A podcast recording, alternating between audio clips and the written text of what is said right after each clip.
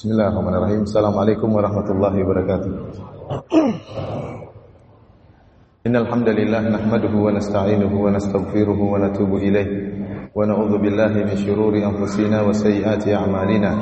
May yahdihillahu fala mudilla lahu wa may yudlil fala hadiya lahu. Wa ashhadu an la ilaha illallah wahdahu la syarika lah wa ashhadu anna Muhammadan 'abduhu wa rasuluhu la nabiyya ba'dahu.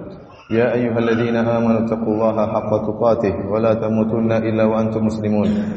يا أيها الناس اتقوا ربكم الذي خلقكم من نفس واحدة وخلق منها زوجها وبث منهما رجالا كثيرا ونساء.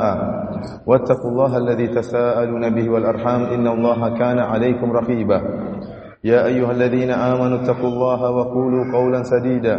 يصلح لكم أعمالكم ويغفر لكم ذنوبكم. ومن يطع الله ورسوله فقد فاز فوزا عظيما. أما بعد فإن أصدق الحديث كتاب الله وخير الهدى هدى محمد صلى الله عليه وسلم. وشر الأمور محدثاتها وكل محدثة بدعة وكل بدعة ضلالة وكل ضلالة في النار. Para hadirin dan hadirat yang dirahmati oleh Allah Subhanahu wa taala, alhamdulillah segala puji dan syukur senantiasa wajib untuk kita panjatkan kepada pencipta alam semesta ini Allah Subhanahu wa taala yang telah memberikan karunia kepada kita berbagai macam nikmat, berbagai macam anugerah yang sehingga di antara anugerah Allah pada pagi hari ini kita bisa berkumpul dalam rangka untuk mengagungkannya, dalam rangka untuk membela syariat Allah Subhanahu wa taala, dalam rangka untuk membantah orang-orang yang hendak mencoreng syariat Rabbul Alamin. Oleh karenanya semoga pertemuan kita ini diberkahi oleh Allah Subhanahu wa taala dan dicatat sebagai amalan kebajikan kita di hari tatkala tidak bermanfaat harta dan anak-anak. Para hadirin yang dirahmati oleh Allah Subhanahu wa taala, pembahasan kita pada pagi hari ini adalah tentang kaum liberal dan tentang pemikiran mereka dan tentang kerusakan-kerusakan yang telah mereka ya timbulkan terutama di negeri kita yang tercinta ini. Baik kerusakan dalam kerusakan dalam masalah akidah dan juga kerusakan dalam moral bangsa.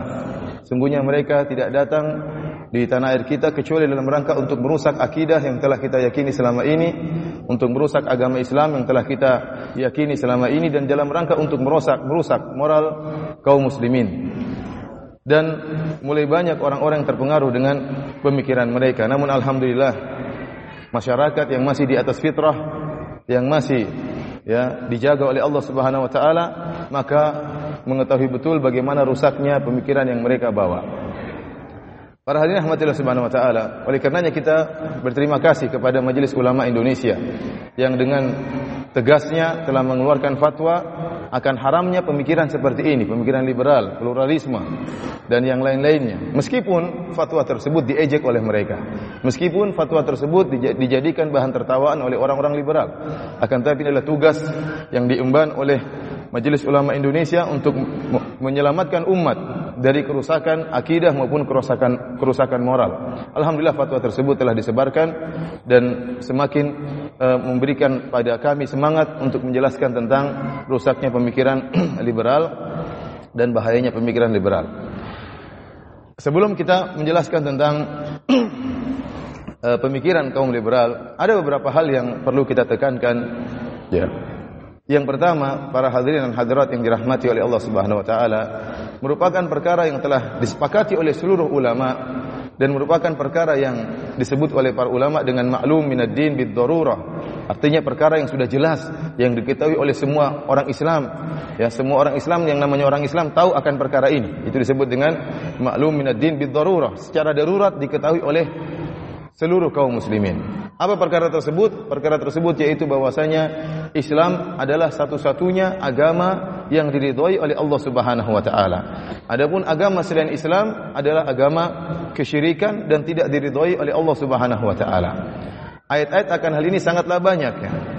Yang menjelaskan akan hal ini tentang Islam satu-satunya agama yang diridhoi dan agama-agama selain Islam tidak diridhoi oleh Allah Subhanahu wa taala, pelakunya dihukumi dengan musyrikin, dengan orang-orang kafir dan yang lainnya. Di antaranya Allah Subhanahu wa taala berfirman, "Inna dina indallahil Islam."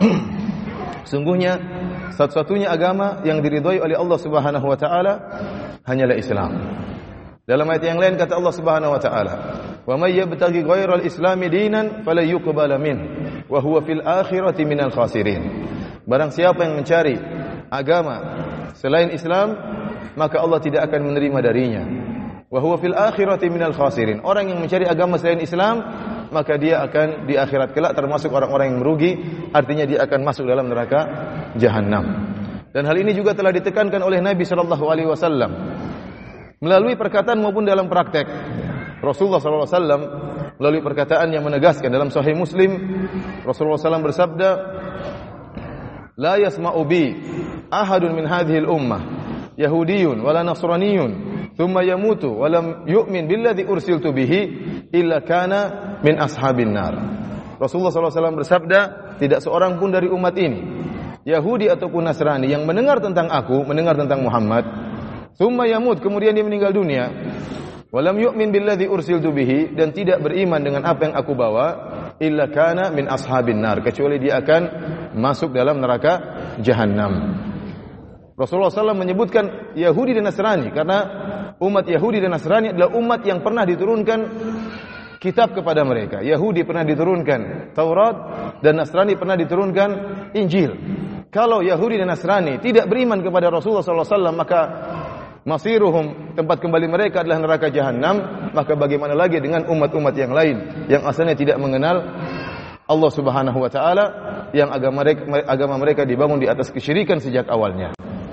Dikarenanya para hadirin hadirat yang dirahmati oleh Allah Subhanahu wa taala, ayat-ayat dan hadis-hadis seperti ini sangat tegas menjelaskan bahwasanya satu-satunya agama yang diridhai oleh Allah Subhanahu wa taala hanyalah agama Islam. Dan ini benar bahwasanya satu-satunya agama yang menyeru kepada pentauhidan Rabbil Alamin, pengesaan Rabbul Alamin, baik sisi rububiyah maupun uluhiyah maupun asma wa sifat, baik dalam sisi penciptaan, ya, dalam sisi pemeliharaan alam semesta, dalam sisi peribadatan, penyembahan, hanyalah Allah Subhanahu wa taala yang menjunjung tinggi permasalahan ini hanyalah agama Islam. Barang siapa yang perhatikan agama-agama yang lain, maka agama-agama yang lain jauh dari pentauhidan Allah Subhanahu wa taala.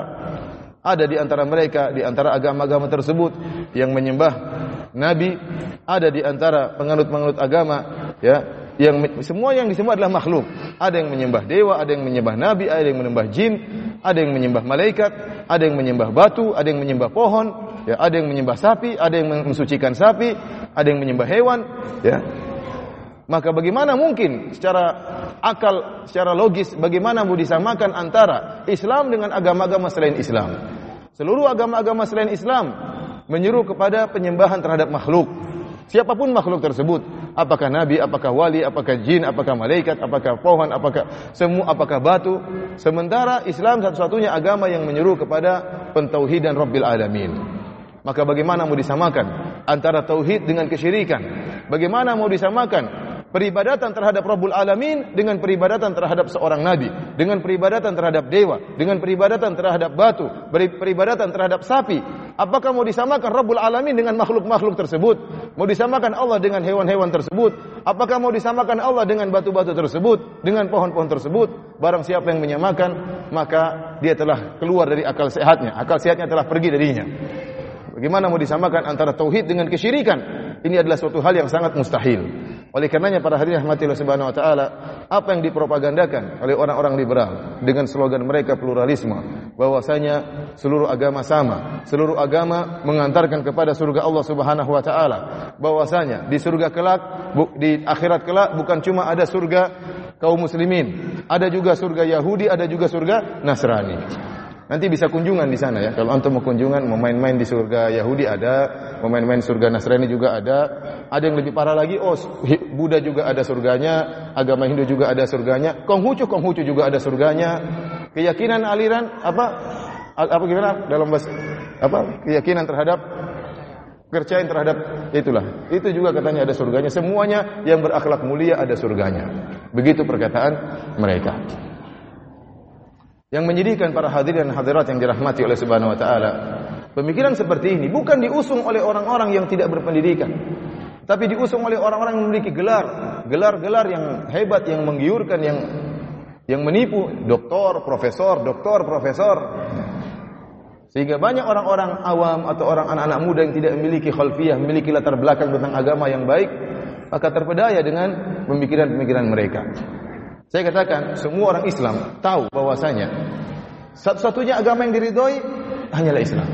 Satu-satunya agama yang mengantarkan kepada surga hanyalah Islam. Semua orang Islam tahu akan hal ini. Sejak dulu, sejak kita kecil kita sudah tahu akan hal ini. Sejak saya sadar saya ini orang Islam, saya sudah tahu akan hal ini. Maka saya katakan tadi ini perkara yang maklum minad din bidharurah. Perkara yang semua orang tahu, semua orang muslim tahu bahwasanya satunya satu-satu agama, satu-satunya agama yang mengantarkan kepada surga hanyalah agama Islam. Satu-satunya agama yang menyuruh kepada tauhid hanyalah Islam. Maka mereka datang hendak merubah keyakinan kaum muslimin. Hendak membuat kita ragu dengan agama kita. Hendak membuat kita mengakui tentang kesyirikan, bahwasanya kesyirikan juga mengantarkan kepada surga Allah Subhanahu wa taala. Alhamdulillah sebagaimana saya katakan di awal pengajian, Majelis Ulama Indonesia dengan tegas telah mengeluarkan fatwa yang mengharamkan pemikiran-pemikiran e, seperti ini. Para hadirin dan hadirat yang dirahmati oleh Allah Subhanahu wa taala. Sesungguhnya pemikiran liberal ini bukan cuma musuh dari kaum muslimin. Bahkan dia juga musuh dari seluruh agama. Antum coba tanya sama orang Yahudi, apakah orang-orang Yahudi mengakui umat Islam masuk surga? Kita bicara tentang akidah, tentang akidah di akhirat. Apakah orang-orang Yahudi menyatakan orang Islam juga masuk surga? Jawabannya tidak. Sejak dulu mereka mengakui mereka hanyalah satu-satunya yang akan masuk surga. Dan Allah sudah menegaskan ini dalam Al-Quran dalam banyak ayat. Kata Allah Subhanahu wa taala, "Qul ya ayyuhalladzina hadu, in za'amtum annakum awliya'u lillahi min dunin nas, fatamannawul mauta in kuntum shadiqin." Orang Yahudi sejak dulu meyakini bahwasanya mereka sya'bullahil mukhtar. Kami adalah bangsa yang dipilih oleh Allah Subhanahu wa taala. Kamilah satu-satunya bangsa yang akan masuk surga. Dan mereka mengatakan kamilah satu-satunya wali-wali Allah Subhanahu wa taala. Dan ini mereka ucapkan di zaman Nabi sallallahu alaihi wasallam maka Allah bantah dalam ayatnya Allah mengatakan qul ya ayyuhalladzina hadu orang-orang Yahudi in za'amtum jika kalian menyangka Katakanlah wahai Muhammad kepada mereka, wahai orang-orang Yahudi, jika kalian menyangka kalian adalah wali-wali Allah saja, yang lain bukan, kalau gitu minta mati. Fatamannawul maut, mintalah kematian. Mintalah kematian. Kalau kalian yakin mati pasti masuk surga, ya mati aja sekarang. Dalam ayat yang lain kata Allah Subhanahu wa taala, "Qul in kanat lakumud darul akhiratu indallahi khalisatan min dunin nas fatamannawul maut." Kalau kalian menyangka bahwasanya surga hanyalah murni buat kalian, maka mintalah kematian sekarang. Ini uh, hujah yang argumen yang kuat dari Nabi sallallahu alaihi wasallam ya. Dan benar kalau kalian yakin masuk surga, buat apa hidup di dunia? Segera saja mati, minta mati kepada Allah. Namun mereka wala yatamannahu abadan. Mereka tidak bakalan pernah minta mati, bahkan mereka berangan-angan untuk bisa hidup seribu tahun. Artinya orang-orang Yahudi tidak setuju dengan liberal. Orang-orang Yahudi tidak setuju dengan liberal karena mereka tidak mau dikatakan muslim, mereka tidak mau. Begitu hinakah kita ya, ingin disama-samakan dengan Yahudi dan Nasrani sementara Yahudi tidak mau disamakan dengan kita. Jadi liberal itu mengajarkan kehinaan bagi kita untuk menyamakan agama kita dengan mereka. Mereka tidak mau. Mereka menganggap agama mereka agama yang mulia. Mereka menganggap mereka adalah makhluk Allah yang terpilih. Yang hanya masuk surga adalah mereka. Selain mereka tidak masuk surga. Antum tanya sama orang-orang Nasara. Mereka mengatakan juru selamat adalah Tuhan mereka. Yang tidak ikut Tuhan mereka tidak selamat. Ini jelas. Orang-orang Nasara semua paham akan hal ini. Oleh karenanya liberal suatu yang baru. Liberal suatu yang baru yang muncul sebelumnya di di, di pemikiran orang-orang Nasara dan Yahudi dan kemudian di, dibantah oleh mereka. Mereka tidak setuju sampai sekarang mayoritas Nasara, mayoritas Yahudi ya, tidak setuju dengan pemikiran liberal. Yang anehnya ada orang-orang Islam yang belajar liberal di negeri kafir, belajar agama liberal dari orang-orang kafir di negeri kafir. Belajar liberal dari orang-orang kafir, dari orientalis-orientalis yang sengaja ingin menghancurkan Islam. Mereka belajar Islam dari orang-orang seperti ini di negeri-negeri kafir. Kemudian mereka ingin bawa pemahaman liberal di tanah air kita. Ingin merusak Islam yang sudah kita anut sejak kecil, sejak zaman dahulu, sejak nenek moyang kita. Oh, ingin menghancurkan akidah yang sudah kokoh sejak kita mengenal Islam. Sementara orang-orang kafir tersebut tidak setuju dengan liberal. Sementara orang-orang kafir tersebut tidak setuju dengan liberal. Orang-orang kafir tahu Islam bisa dihancurkan lebih mudah dihancurkan dari dalam. Kalau dari luar, ya, mereka sudah mencoba ya terjadi peperangan dan orang Islam memiliki perlawanan. Tetapi kalau ingin menghancurkan Islam dari dalam dengan pemikiran, dengan dimasukkannya pemikiran liberal dalam Islam, maka akidah mereka hancur dan mereka akan lebih cepat mudah rusak dengan dai-dai yang menyuruh pada pemahaman liberal. Ikhwani fillah wa akhwati azani Allahu wa iyyakum.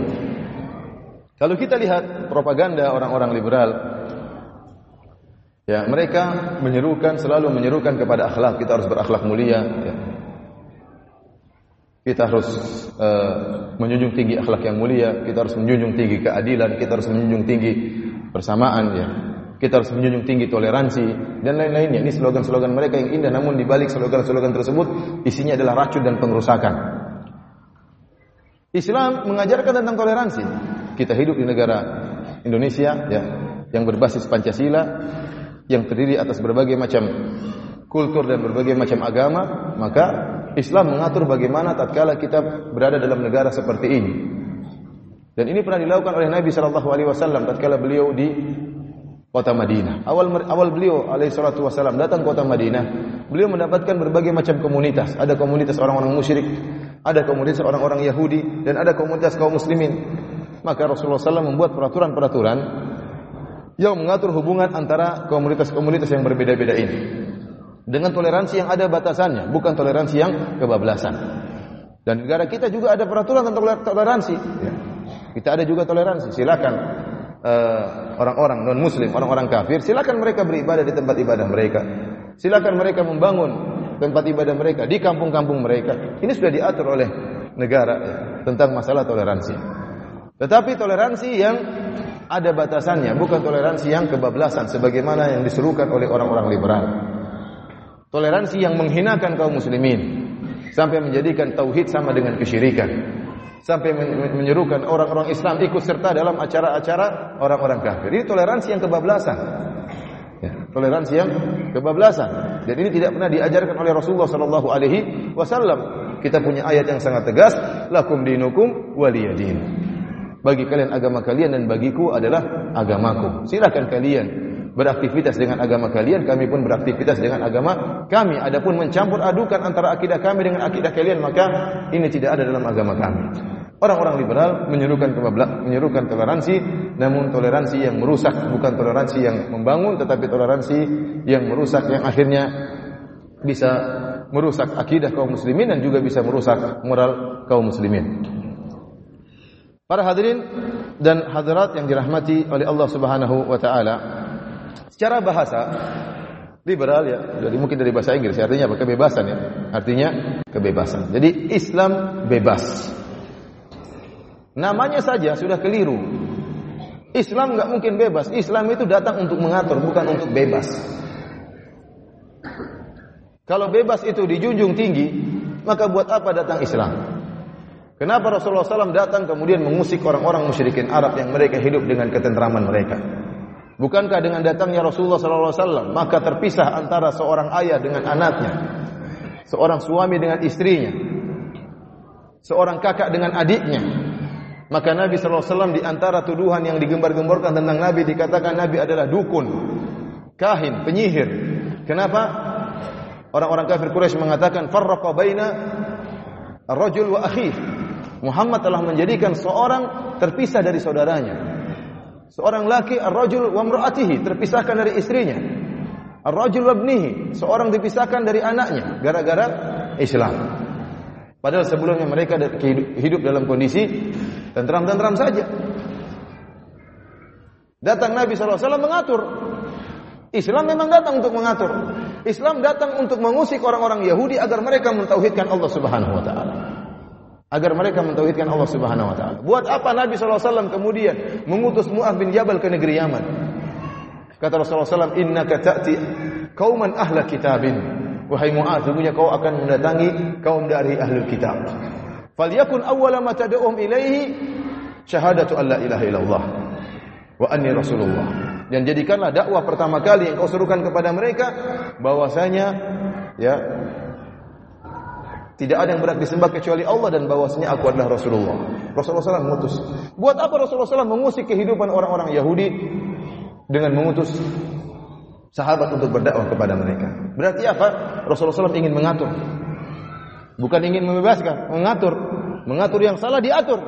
Orang yang bebasnya sembarangan diatur supaya bisa teratur. Islam datang untuk mengatur. Buat apa Rasulullah SAW mengutus para sahabat untuk ke negeri Romawi yang mereka beragama Nasrani? Buat apa diutus? Bukankah mereka hidup dengan kehidupan mereka? Rasulullah SAW mengutus utusan untuk mengatur mereka.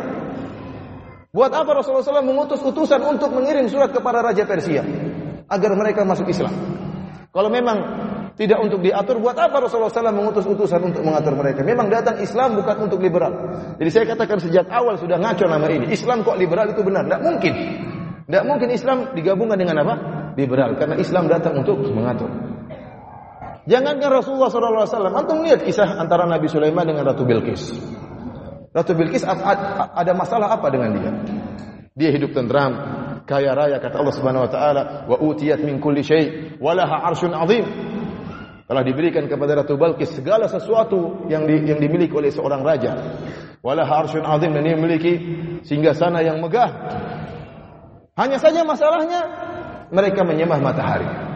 Maka Nabi Sulaiman mengirimkan surat mengatur mereka, bukan membiarkan mereka membebaskan mereka untuk menyembah matahari, tidak. Diatur oleh Nabi Sulaiman. Oleh karena saya katakan bahwasanya Islam datang bukan untuk membebaskan tapi mengatur. Komunitas kaum musyrikin Arab tatkala itu terjadi pernikahan namun ngawur ada perzinahan, ada ada berbagai macam model pernikahan, ada orang istrinya lebih daripada empat, ada istrinya sepuluh, istri dua puluh, maka datang Islam mengatur. Maka saya katakan Islam mustahil jadi liberal, nggak mungkin. Liberal sebagaimana yang mereka ya persangkakan. Dalam Islam ada kebebasan, namun kebebasan yang teratur, bukan kebebasan yang ngawur sebagaimana yang dipersangkakan oleh orang-orang liberal. Para hadirin dan hadirat yang dirahmati oleh Allah Subhanahu wa taala. Oleh karena Islam datang mengatur akidah, Islam datang mengatur akhlak, Islam datang mengatur bagaimana pengaturan kenegaraan. Islam datang untuk mengatur bagaimana hubungan seorang muslim dengan dengan uh, non muslim. Islam mengatur bagaimana hubungan seorang anak dengan ibunya. Islam mengatur bagaimana mengatur hubungan antara seorang suami dengan istrinya. Semuanya pengaturan, nggak ada yang bebas. Semuanya pengaturan. Kenapa? Karena Allah yang lebih tahu tentang makhluknya. Allah yang lebih tahu dengan ciptaannya. Ala ya'lamu man khalaq. Bukankah yang menciptakan lebih tahu tentang apa yang dia ciptakan? Allah telah menciptakan manusia, Allah telah menciptakan laki dan wanita. Allah lebih tahu bagaimana mendatangkan kemaslahatan bagi yang dia ciptakan. Subhanallahul azim. Para hadirin dan hadirat yang dirahmati oleh Allah Subhanahu wa taala, maka kalau datang liberal, ya, datang liberal, Islam liberal, sebenarnya bukan Islam, kita bilangnya liberal liberal yang ingin merombak seluruh aturan yang telah dibuat oleh Allah Subhanahu wa taala. Mencoreng syariat Allah Subhanahu wa taala. Nanti akan kita sebutkan bagaimana perkataan-perkataan mereka yang sangat menyakitkan. Yang mencoreng syariat Allah Subhanahu wa taala, yang menghina syariat Muhammad sallallahu alaihi wasallam, yang mencela para ulama akan kita sebutkan. Dan yang sangat menyedihkan, mereka membangun akidah mereka di atas kedustaan, di atas kebohongan. Saya sejak, saya katakan sejak awal bahwasanya orang-orang liberal tatkala mereka berdalil dengan perkataan ulama, berkata mufasir ini, berkata Ibnu Katsir, berkata Ar-Razi, kebanyakan mereka dusta. Dan saya sudah cek langsung dengan apa yang mereka dalil yang mereka sampaikan. Perkataan ulama yang mereka jadikan dalil rata-rata dusta. Saya katakan sejak awal orang-orang liberal pendusta. Mereka para pendusta. Saya sudah cek langsung perkataan-perkataan mereka, ternyata tidak sesuai dengan apa yang termaktub dalam buku-buku para ulama. Tidak mungkin ada ulama berpemikiran seperti orang liberal ini. Tidak mungkin Ibnu Katsir, tidak mungkin Razi, tidak mungkin uh, Muhammad Rashid Ridha punya pemikiran seperti ini menyatakan bahwa semua agama benar, semua agama masuk Islam. Tidak mungkin, mustahil. Apa yang mereka seru-serukan, mereka gembar-gemborkan bahwasanya Razi berpemikiran seperti mereka, bahwasanya Asy-Syatibi berpikiran seperti mereka, bahkan Ibnu Taimiyah dianggap berpemikiran seperti mereka. Mustahil, mereka dusta, membohong besar.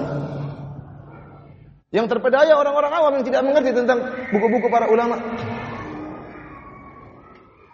Jadi mereka benar-benar mencela syariat Islam dan mereka mencela para ulama bagaimana mereka mencaci maki ya, Imam Syafi'i rahimahullah.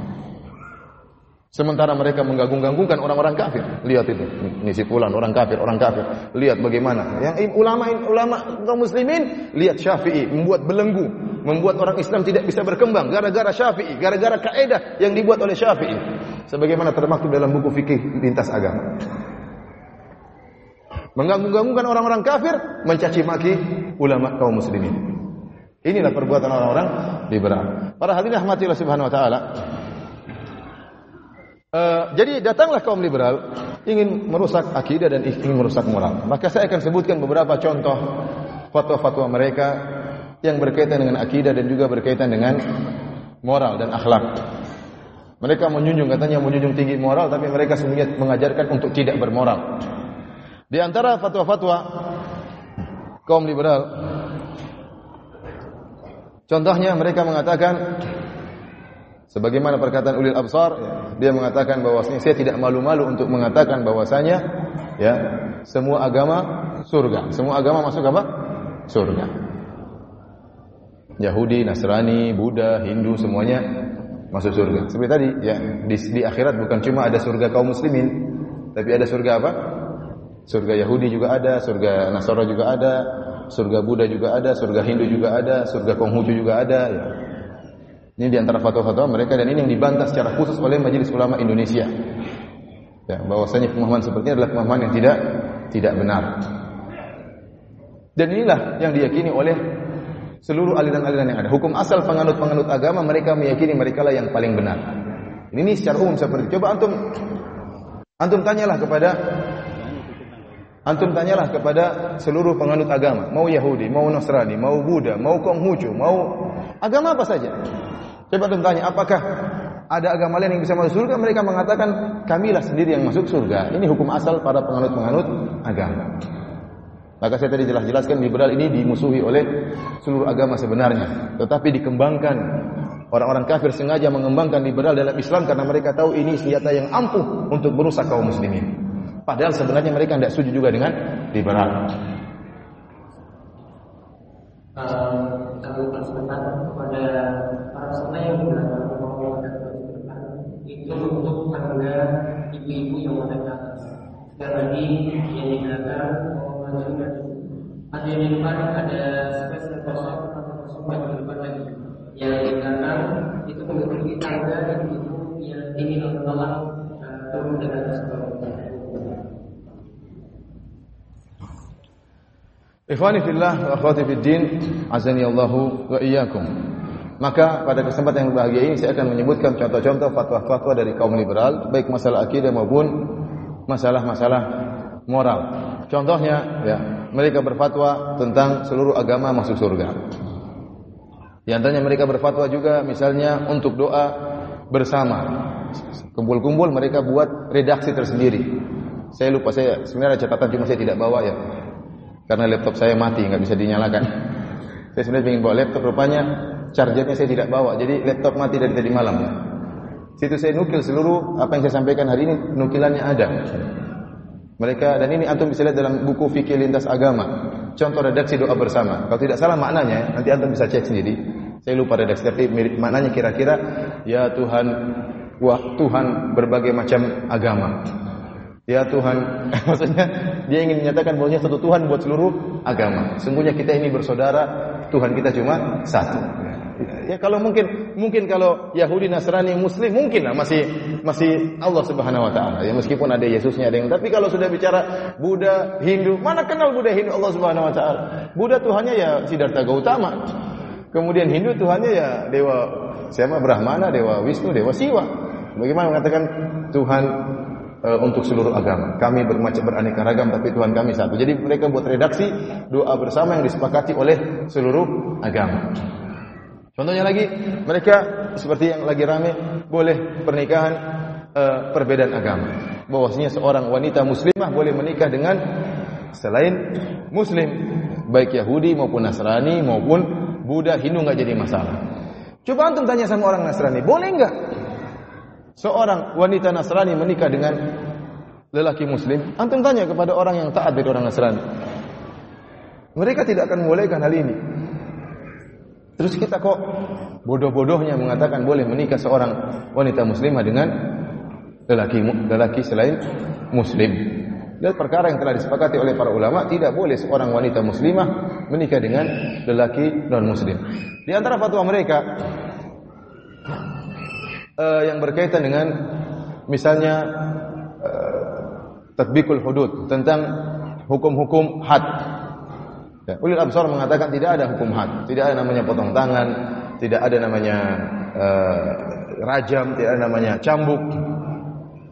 Itu hukum-hukum had itu hanya berkaitan di zaman Nabi khusus untuk orang Arab. Berkaitan dengan zaman Nabi dan khusus untuk orang orang Arab. Bagaimana kemudian diterapkan di Indonesia orang Jawa? Bagaimana mereka Ya, tidak mungkin kata dia. Kalau kalau uh, seandainya Allah menurunkan wahyu kepada orang Jawa tentu akan berbeda kata. Ngalif lamin gitu. Apa namanya? Dia kata begitu. Dia menghina, dia mengatakan saya ini agama agama orang Arab. Orang liberal sering menghina kita mengatakan, saya bisa sering diserang di Facebook. Ustadz maksudnya kita harus jadi orang Arab begitu. Begitu, itu saya tahu maksud mereka. Mereka ingin mengatakan Al-Quran itu untuk orang Arab. Untuk orang Arab itu pun bukan seluruh zaman, tetapi khusus zaman Muhammad Sallallahu Alaihi Wasallam. Di zaman tersebut belum ada penjara katanya maka ya harus potong tangan. Seandainya ada penjara, ya tidak usah potong tangan. Jadi hukum-hukum Islam bahkan mereka mengatakan tidak boleh ada hukum Islam, tidak boleh. Mereka bukan hanya sekedar mengatakan tidak diterapkan, bahkan mereka melarang adanya suatu negara yang bangun yang dibangun berbasis Islam. Tapi para hadirin rahmatillah subhanahu wa taala. Kemudian di antara fatwa mereka yang berkaitan dengan pernikahan. Lucu fatwa-fatwa mereka. Seperti fatwa yang lagi ramai sekarang, bolehnya pernikahan sejenis.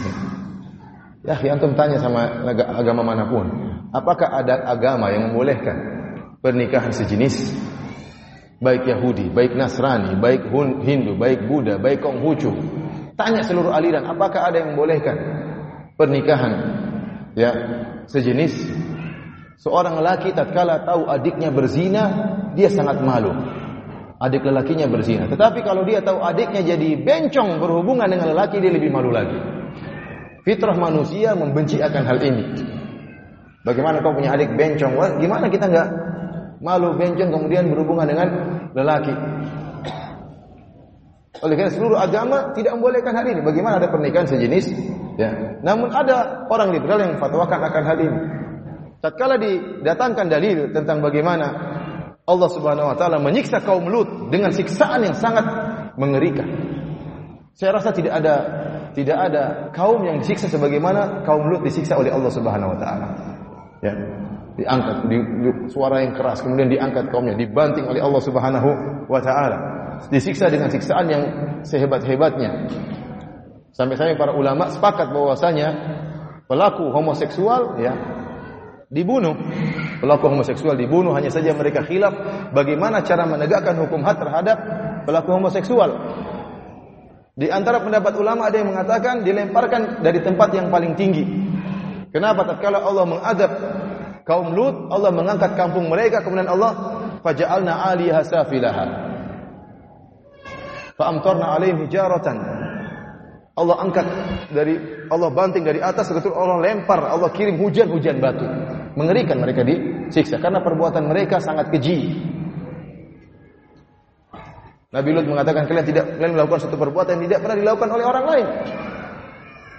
Atatuna dzukran? Apa kalian mendatangi para lelaki? Mereka mendatangi para lelaki. Ini aneh tapi waktu kita datangkan dalil dibantah seorang dari liberal dibantah tentang masalah ini, didatangkan dalil tentang bagaimana Allah mengazab ya para pelaku homoseksual. Apa kata orang liberal ini? Dia mengatakan sesungguhnya masalah seksual apakah seorang lelaki homoseksual ataukah heteroseksual ataukah biseksual ya apa seksual seksual semua itu adalah kata dia istilah saya tahu bahasa Inggris katanya given min Allah Pemberian dari apa? Allah Subhanahu wa taala. Enggak bisa ditolak. Orang jadi suka laki-laki saja, perempuan suka laki-laki saja, ya begitulah Allah ciptakan dia. Ada laki-laki suka laki-laki juga, ya itu sudah dari Allah dari sananya. Ada laki-laki suka laki-laki dan perempuan, ya sudah begitu dari sananya. Ada perempuan suka laki-laki dan wanita, ya begitu saja. Ini tidak bisa kita otak-atik ini given dari Allah Subhanahu wa taala. Benar bahasa Inggrisnya given, benar. Iya. Apa artinya given itu? Ya, pemberian ya. Dan ini sudah dari sana.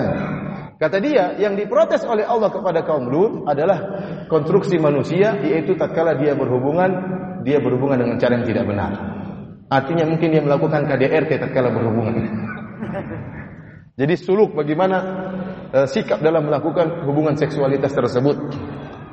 Kita bilang, dari mana kau tahu seperti ini? Mana dalilnya? Allah mengatakan Allah mengazab kaum Nabi Lut gara-gara cara homonya kasar. Dari mana dalilnya? Mungkin luka, mungkin robek, mungkin mana dalilnya? Enggak ada. Justru mereka enjoy-enjoy saja dalam perbuatan mereka. Mereka senang-senang saja melakukan homoseksual. Ya, tidak ada dalil bahwasanya mereka dihukum oleh Allah karena mereka melakukan cara seksual yang salah. Tidak ada dalil. Karena orang liberal mengatakan adapun suka terhadap laki itu given dari Allah. Yang salah adalah masalah cara bermainnya. Taib. Kalau memang cara bermainnya keliru, apakah pantas menurut kalian wahai orang liberal diazab dengan diturunkan hujan batu? Apakah pantas? Oh, tidak pantas juga. Terus kenapa di Coba tanya orang liberal. Mereka mengatakan orang mencuri tidak pantas dipotong tangan. Orang berzina tidak pantas untuk dirajam. Toyib gara-gara dia mungkin cara salah bermain dalam apa? Dalam homoseksual. Kenapa diturunkan azab oleh Allah dengan hujan batu? Yang benar bahwasanya Allah mengazab mereka dengan hujan batu karena perbuatan mereka yang sangat keji yang tidak dilakukan oleh hewan. Hewan tidak ada homo. Saya nggak tahu ada mungkin ada adakah hewan yang homo? Saya belum pernah dengar ada hewan yang homo. Karena perbuatan mereka sangat keji, maka Allah turunkan azab yang sangat sangat pedih. Ini orang liberal datang mengatakan, oh enggak itu karena ini karena itu. Tanpa dalil. Tanpa dalil. Di antara fatwa-fatwa mereka yang aneh juga, mereka mengatakan poligami haram. Wah ini kita harus bantai. Para lagi. Mereka bilang poligami haram. Dari mana dalilnya? Poligami haram. Terus mereka mengatakan lagi bahwasanya masalah pernikahan, fatwa-fatwa yang lucu. Masalah pernikahan ya bukan cuma lelaki eh, pihak wanita yang mengatakan eh, apa namanya? Eh, mereka bicara tentang wanita bukan cuma wanita bukan cuma wanita yang punya masa iddah. Tadi malam telah kita bahas tentang masalah fikih perceraian bahwasanya wanita punya masa iddah, wanita hamil punya masa iddah, wanita yang ada haidnya punya masa iddah, wanita yang tidak ada haidnya yang menopause punya masa iddah, wanita yang ditinggal oleh suaminya juga punya meninggal suaminya ada masa iddahnya.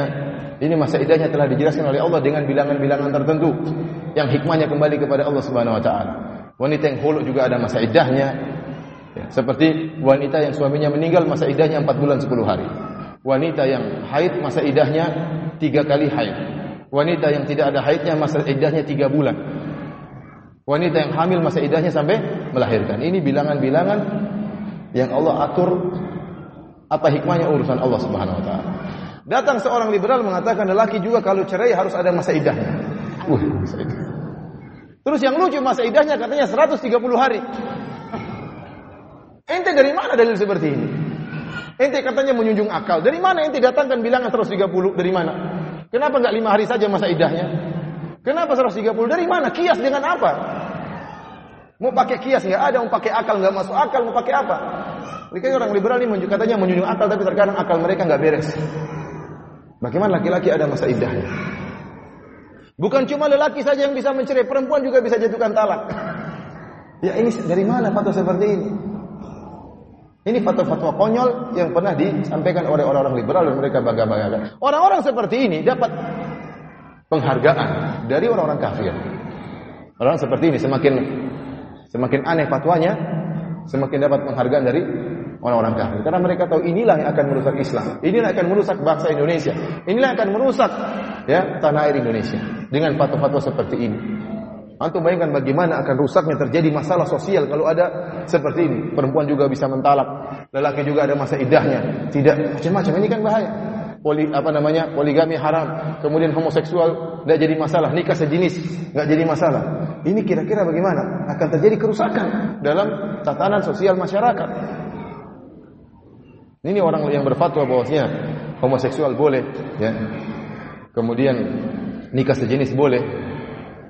Mungkin nanti dia baru sadar. Kalau ternyata anak perempuannya jatuh cinta sama perempuan juga. Mungkin dia baru sadar ternyata suaminya jatuh cinta sama lelaki lain.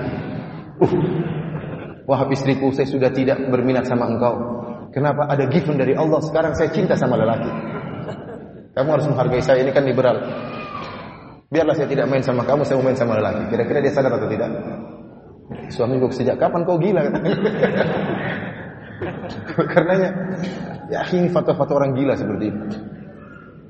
Nanti mereka kalau bantah saya, mereka bilang, itu Ustaz, kalimatnya kotor, kasar. Ya, mereka lebih kotor daripada saya. Hanya saya sama saya sama antum. Homo itu kotor atau tidak? Menjijikan atau tidak? Terus mereka bilang, saya ngomong gini, bilang kotor. Mengatakan syirik sama dengan tauhid menjijikan atau tidak? Menyamakan Allah dengan sapi yang disembah itu menjijikan atau tidak? Menjijikan. Tidak punya penghormatan terhadap Rabbul Alamin. Bagaimana menyamakan antara tauhid dengan syirik? Para hadirin rahmatillah subhanahu wa taala, inilah beberapa fatwa ya. Mungkin antum bisa kumpul fatwa-fatwa mereka yang aneh-aneh dan menarik ya. Uh, kemudian juga yang anehnya, orang liberal ini mereka liberal dari sisi hawa nafsu saja. Namun sebenarnya mereka tidak konsisten apa tidak komitmen dengan liberal mereka. Mereka tidak komitmen dengan pemikiran liberal mereka. Oleh karenanya mereka jengkel kalau ada orang yang berpegang dengan Islam. Semua yang mereka kritik adalah ajaran Islam. Ada orang pakai cadar mereka ganggu. Itu cadar, bahkan Ulil pernah buat foto orang bercadar dengan tong sampah, plastik sampah hitam. Jangan sampai salah ambil katanya disamakan antara wanita bercadar dengan plastik sampah hitam. Ini kan yang disebut dengan liberal. Kalau ada perempuan buka auratnya nggak jadi masalah. Liberal mereka dengan hawa nafsu. Ada orang pakai cadar mereka apa apa urusan ente dengan dia? Dia merasa bahagia dengan bercadar, dia merasa lebih aman di sisi Allah, dia merasa lebih, lebih aman dari gangguan lelaki. Kenapa ente usik wanita bercadar? Kenapa ente usik wanita memakai jilbab yang besar? Kenapa ente usik? Liberalnya enggak enggak enggak komitmen. Ada orang jenggotan mereka usik. Apa urusan ente? Ada orang, ada negara mendirikan negara Islam seperti Arab Saudi mereka usik. Ya, mereka tentram-tentram saja. Keamanan luar biasa di Arab Saudi. Kenapa ente sibuk urusin mereka? Ente sibuk sana negara liberal ente. Kerusakan yang ada di sana begitu luar biasa. Kriminal yang begitu banyak terjadi di sana. Penyakit sosial yang begitu banyak di sana. Musik mereka, jangan musik. Orang-orang Islam, orang-orang Islam sudah bahagia dengan agama mereka. Katanya kamu liberal, junjunglah liberal, biarkan mereka melakukan apa yang mereka kehendaki. Kenapa inti usik cuma yang Islam-Islam saja? Jadi intinya liberal mereka itu liberal hawa nafsu dan mereka tidak pernah komitmen dengan liberal mereka. Tapi para hadirin rahmatillah subhanahu wa taala. Uh, uh, mungkin antum anda tanya kok bisa mereka memiliki pemikiran seperti itu? Saya bilang mungkin. Ya. Syubhat itu kuat. Dan syaitan iblis senantiasa berusaha meniupkan syubhatnya. Apalagi mereka belajar agama dari orang-orang kafir. Ini digeri kafir. Dari orang-orang yang memang hendak merusak Islam. Dari orang-orang kafir yang dihukumi oleh Allah Subhanahu wa taala masuk neraka jahanam. Bagaimana untuk belajar agama Islam dari orang yang difonis masuk neraka jahanam? Oh, mereka orang baik Ustaz, mereka orang baik, mereka orang kafir tapi ramah. Kita bilang Islam punya aturan. Orang baik namun tidak bertauhid tetap celaka.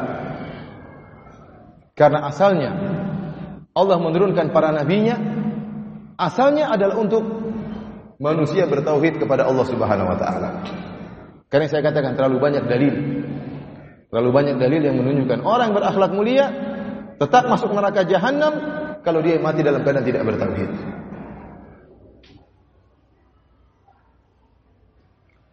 Seperti tadi saya isyaratkan tentang Ratu Bilqis. Ratu Bilqis, apa masalahnya dia? Dia nggak ada masalah. Rakyatnya juga taat sama dia. Rakyat cinta sama Ratu Bilqis. Kemudian Allah berikan kemakmuran dalam dalam apa namanya negerinya, nggak ada masalah. Cuma masalah apa? Ya buduna lisyamsi min dunillah. Masalahnya mereka menyembah matahari. Siapa yang lihat mereka? Burung apa? Burung hudhud. Burung hudhud saja tidak terima kalau mereka berbuat syirik kepada Allah Subhanahu wa taala. Dia adalah seekor burung hewan. Fitrahnya tidak terima. Kalau ada manusia menyembah matahari, makhluk menyembah makhluk tidak diterima oleh fitrahnya burung hudhud. Maka dia pun lapor kepada Nabi Sulaiman. Wajadtuha wa qaumaha ya'buduna lisyamsi min dunillah.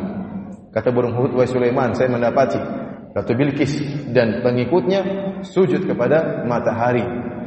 Maka membuat Nabi Sulaiman langsung mengirimkan surat teguran dan tantangan kepada Ratu Bilqis. Apa masalahnya? Cuma masalah tauhid. Dia baik-baik saja, rakyatnya juga patuh-patuh saja. Tidak ada kriminal yang dia, mereka lakukan, tidak tidak pernah Allah sebutkan Ratu Bilqis.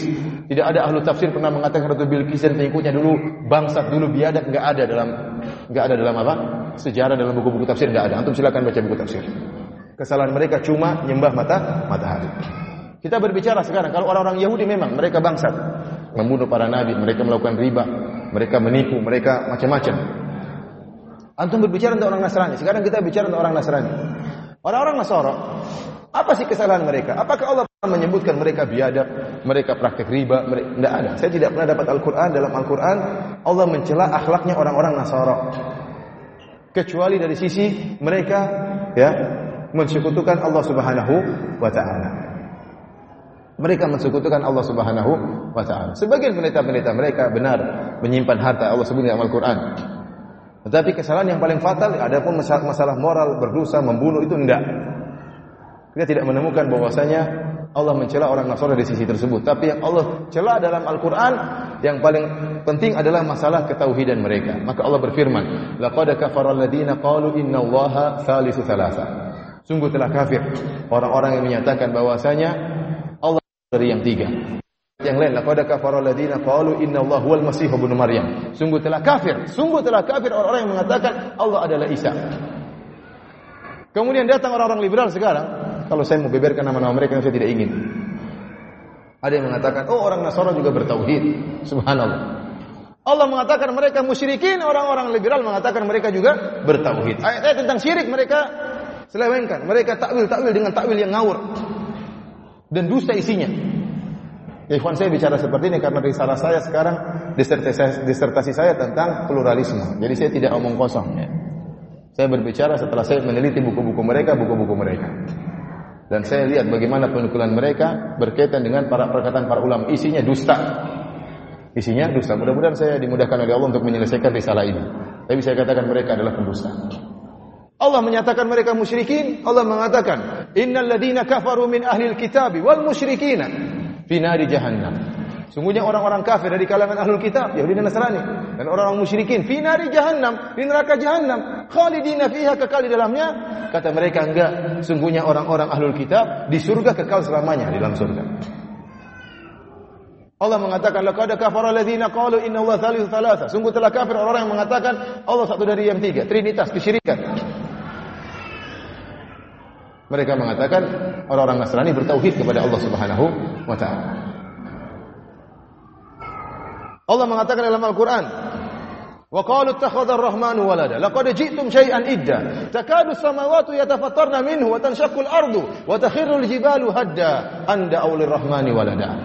Allah mengatakan orang-orang Nasara mengatakan Allah punya anak. Sungguh kalian telah mendatangkan suatu perkara yang mungkar. Allah menganggap perkataan Allah punya anak perkara yang mungkar. Bagaimana tidak mungkar? Mensifati Allah punya anak ini pelecehan dan penghinaan terhadap Rabbul Alamin. Bagaimana Bilal radhiyallahu taala anhu tatkala disiksa oleh tuannya Umayyah bin Khalaf, diletakkan batu di atas dadanya. Apa yang dikatakan Bilal? Bilal tidak mengatakan Allahu Akbar, Bilal tidak mengatakan subhanallah, Bilal tidak mengatakan Allahu ajal, tapi Bilal mengatakan ahadun ahad, Allah Maha Esa, Allah Maha Esa. Ini yang diperjuangkan Bilal, rela mati untuk membela bahwasanya Allah Maha Esa. Kemudian datang orang mengatakan, "Enggak. Kesyirikan adalah tauhid sama." Sebagian berkata orang-orang liberal. Mengatakan tidak apa-apa kita bilang Allah punya anak, apa masalahnya? Oh maksudnya Allah punya anak begini-begini maksudnya. Bukan anak biologis. Yang bilang anak Allah punya anak biologis siapa?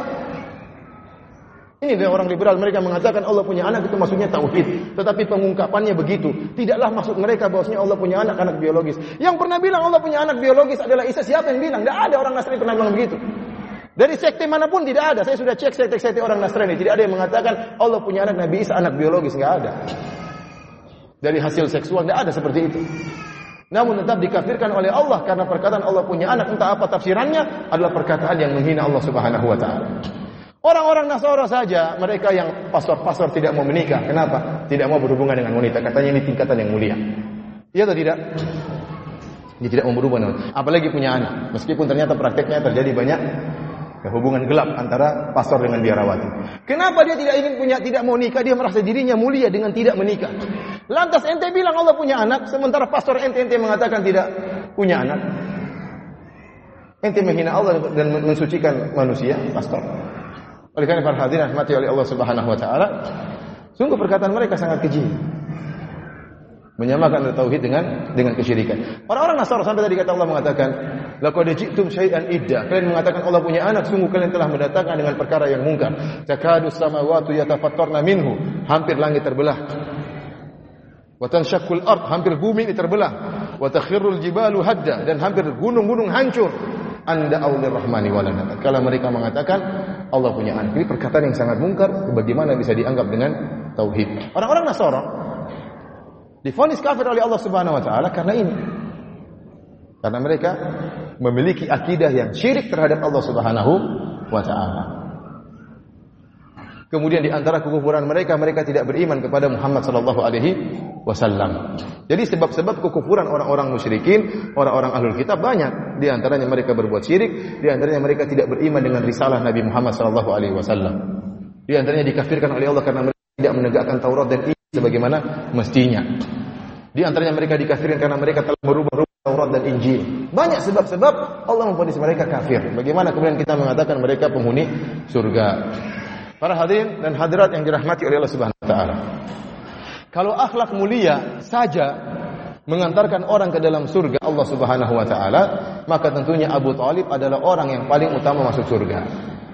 Abu Talib membela Rasulullah SAW, rela mati demi membela keponakannya Muhammad sallallahu alaihi wasallam. Sampai akhir hayatnya tatkala dia akan meninggal dunia Rasulullah SAW datang mendakwahi pamannya qul ya ammi qul la ilaha illallah kalimatan uhaju laka biha indallah. Wahai pamanku ucapkanlah la ilaha illallah suatu kalimat yang aku akan bela engkau di akhirat kelak. Maka pamannya tidak mau mengucapkan la ilaha illallah tetap berada di atas agama orang tuanya agama Abdul Muttalib fa aba yaqula la ilaha illallah tidak mau mengucapkan la ilaha illallah maka dia pun difonis masuk neraka jahanam maka Nabi SAW ingin memohonkan ampunan bagi pamannya. Allah tegur kata Allah Subhanahu wa taala ma kana lin nabi walladzina amanu ayastaghfiru lil musyrikin walau kanu uli kurba min ba'di ma tabayyana lahum annahum ashabul jahim. Tidak pantas bagi seorang nabi dan tidak pantas bagi kaum mukminin untuk memohonkan ampunan bagi orang-orang musyrikin meskipun karib kerabat mereka dilarang Padahal kurang apa baiknya Abu Talib? Kurang, kurang apa pembelaannya terhadap Islam? Kurang apa pembelaannya terhadap Nabi SAW? Rela mati demi membela Nabi Muhammad SAW. Tatkala dia meninggal dalam keadaan syirik, neraka jahanam. Syirik masalah penting. Tidak ada tawar-menawar dalam masalah tauhid dan syirik. Lihatlah Amr bin Luhai al-Khuzai. Pemimpin orang Arab, pemimpin kaum Quraisy. Ya.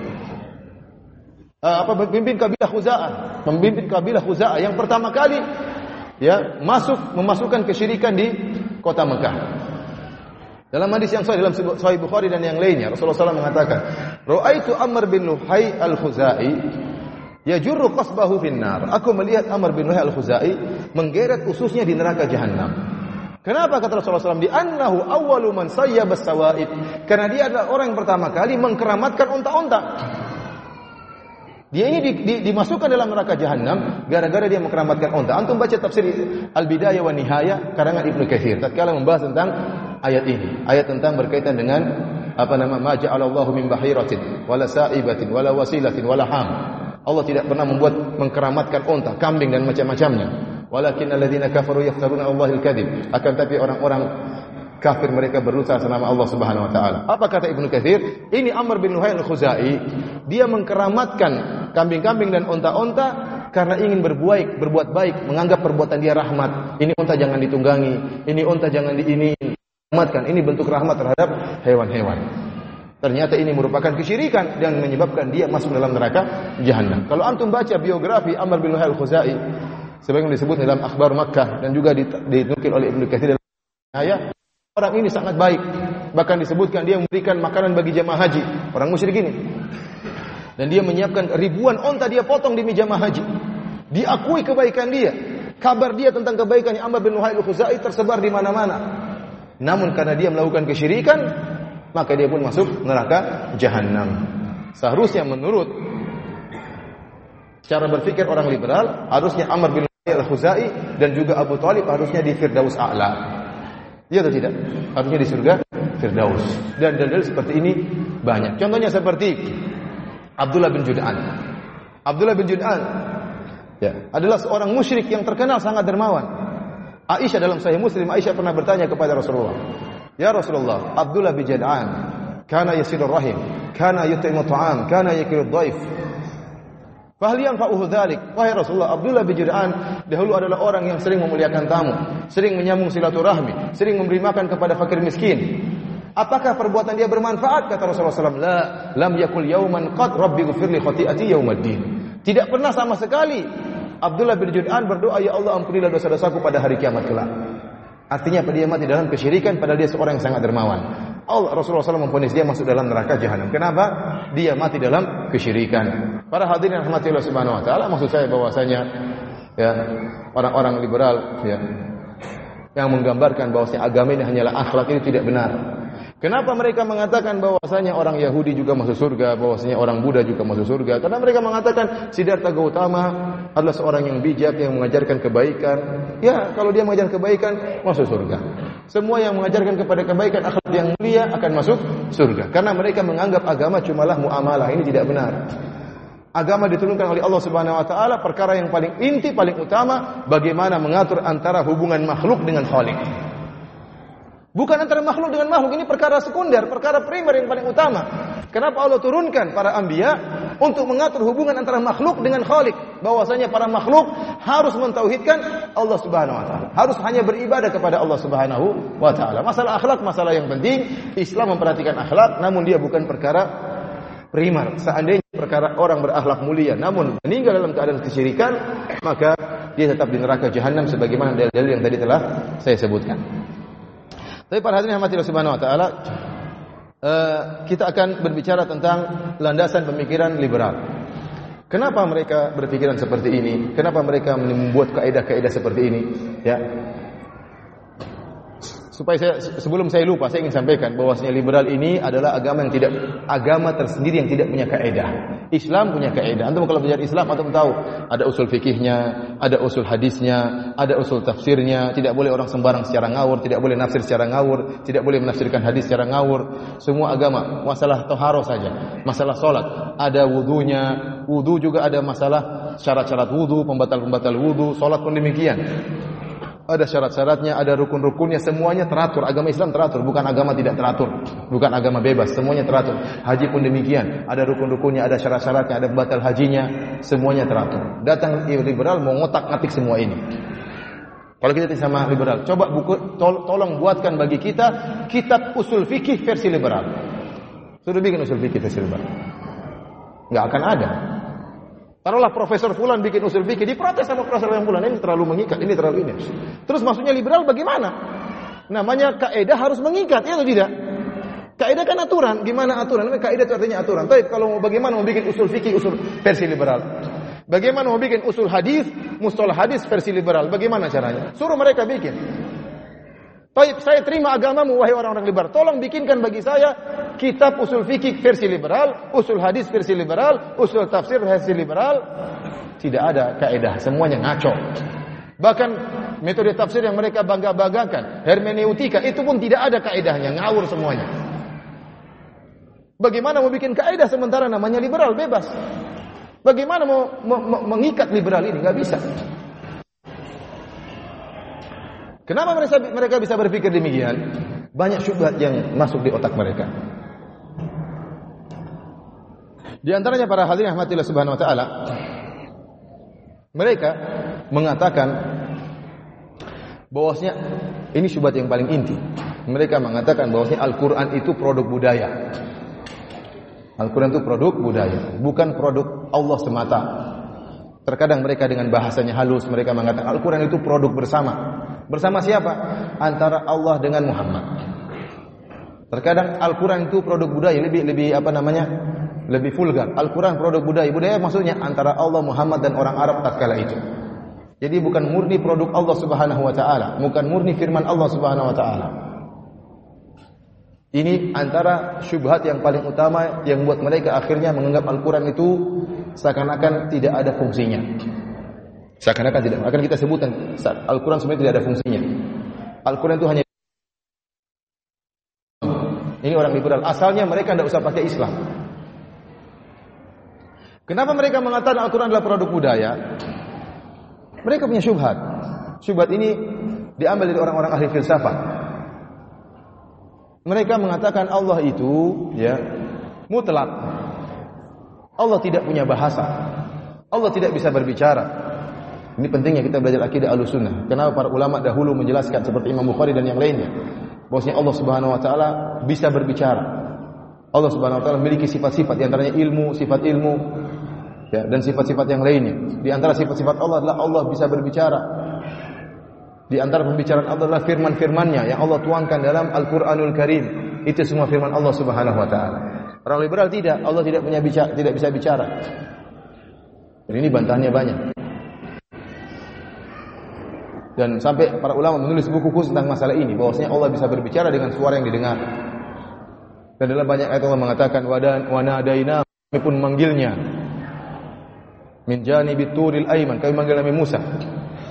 Kata Allah fastami' lima yuha wahai Musa dengarkan apa yang diwahyukan kepadamu. Berarti firman Allah apa? Didengar. Terjadi pembicaraan antara Nabi Musa dengan Allah Subhanahu wa taala. Kata Nabi Musa, "Rabbi arini anzur ilaik." Ya Rabbku, tunjukkan kepadaku, aku ingin melihatmu. Kata Allah, lantaroni, kau tidak bisa lihat aku. Terjadi dialog atau tidak? Terjadi dialog. Nabi Ibrahim minta untuk melihat Allah Subhanahu wa taala. Allah mengatakan Allah Allah apa namanya? Uh, terjadi dialog maksudnya terjadi antara Allah dengan para nabi. Allah Subhanahu wa taala berdialog dengan Nabi Muhammad sallallahu alaihi wasallam tatkala Isra Mi'raj berkaitan dengan masalah diturunkannya peraturan salat dari 50 waktu menjadi 5 waktu. Jadi Allah Subhanahu wa taala bisa berbicara. Berbicara dengan apa yang Allah kehendaki, berbicara dengan bahasa apa yang Allah kehendaki. Mereka orang liberal, tatkala mereka memahami Allah dengan metode orang-orang filsafat. Orang filsafat maksudnya siapa? Maksudnya Aristoteles. Maksudnya orang-orang Yunani yang tidak punya agama. Aristoteles dan teman-temannya tidak punya agama. Mereka menulis tulisan-tulisan tentang biologi, tentang fisika, tentang kimia. Betul nggak jadi masalah karena ilmu itu dibangun di atas penelitian. Penelitian tentang tentang perkara-perkara yang bisa dilihat, bisa ditangkap dengan panca indera. Yang jadi masalah mereka menulis juga tentang ilahiyat, tentang Allah Subhanahu wa tentang Tuhan. Rupanya Aristoteles dan teman-temannya mereka membuat aturan-aturan Tuhan tuh harus begini. Aturan tersebut datang dari mana? Dari otak mereka yang penuh dengan kekurangan. Kalau akal masuk dalam hal yang gaib itu tidak masuk akal. Akal ini penuh keterbatasan. Allah mengatakan kepada kita tatkala sebagian orang-orang musyrik bertanya kepada Nabi tentang ruh, yas'alunaka 'anir ruh. Mereka bertanya kepada engkau tentang ruh. Kulir ruh min amri rabbika. Ruh itu dari urusan Rabbmu. Wa ma utitum minal ilmi illa qalila. Kalian tidak diberikan ilmu kecuali hanya sedikit. Orang tidak bisa membicarakan tentang hakikat ruh. Dari manakah ruh? Unsurnya apa? Rumus kimianya apa? Enggak ada yang bisa ungkapkan. Padahal ruh berada dalam dirinya, bersama dia selalu. Dia tidak bisa menjelaskan tentang hakikat ruh. Kalau antum datangkan seribu orang, ahli fisika, ahli kimia, suruh berbicara tentang ruh, pasti ada seribu pendapat. Mungkin dua ribu pendapat, masing-masing punya dua pendapat, bingung. Kenapa otak mereka tidak sampai tidak sampai untuk bisa memikirkan ruh yang ada bersama mereka? Antum bicara tentang orang suruh bicara tentang jin, bagaimana jin ini? Bagaimana unsur yang bisa membuat Allah buat jin dengan unsur apa? Kok jin bisa ya tasyakal bisa menjelma menjadi ini, menjadi anu? Bagaimana bisa menyuara dengan suara manusia padahal dia bukan bagaimana dia bisa masuk dalam tubuh manusia? Dan kita melihat asarnya orang kemasukan, orang kesurupan, terkadang kita merinding. Jin itu ada, coba bicara tentang jin, tidak bakalan mampu. Apalagi berbicara tentang malaikat. Apalagi berbicara tentang Allah. Bagaimana kemudian orang-orang filsafat ini buat aturan Allah Tuhan itu harus begini. Tuhan itu harus mutlak. Tuhan itu tidak boleh punya bahasa. Tuhan itu tidak boleh punya suara. Ini aturan dari mana ya kawan? Otaknya siapa disuruh pakai aturan seperti ini? Ini asalnya bagaimana orang-orang liberal akhirnya terjebak dengan pemikiran filsafat karena memang mereka belajar ilmu filsafat dari orang-orang kafir. Setelah itu mereka buat aturan, Allah tidak boleh punya suara, Allah tidak boleh punya bahasa, Allah tidak boleh terikat dengan waktu. Tidak mungkin ada dialog, berarti kalau ada dialog Allah terikat dengan waktu, semua ayat mereka buang. Akhirnya dari pemikiran seperti ini buat aturan tentang Tuhan. Kalau kita enggak, kita yakin. Allah yang Maha Esa, Allah yang Maha Gaib. Allah membicarakan tentang dia terserah Allah. Allah punya sifat-sifat inna Allah ala kulli syai'in qadir. Allah Maha kuasa atas segala sesuatu. Allah mau berbicara terserah Allah. Allah membicara dengan Nabi Musa terserah Allah. Allah bicara dengan Nabi Muhammad terserah Allah. Allah membuat Nabi Musa mendengar perkataan Allah terserah Allah. Urusan Allah Subhanahu wa taala. Allah ingin memperlihatkan dirinya pada hari kiamat kelak, pada waktu di surga terserah Allah Subhanahu wa taala. Inna Allah ala kulli syai'in qadir. Sungguhnya Dia Maha Kuasa atas segala sesuatu. Maka jangan otakmu yang buntu itu kemudian buat aturan tentang Tuhan. Tuhan harus mutlak, Tuhan tidak boleh punya suara, Tuhan tidak boleh punya bahasa. Sebagaimana perkataan ulil absar.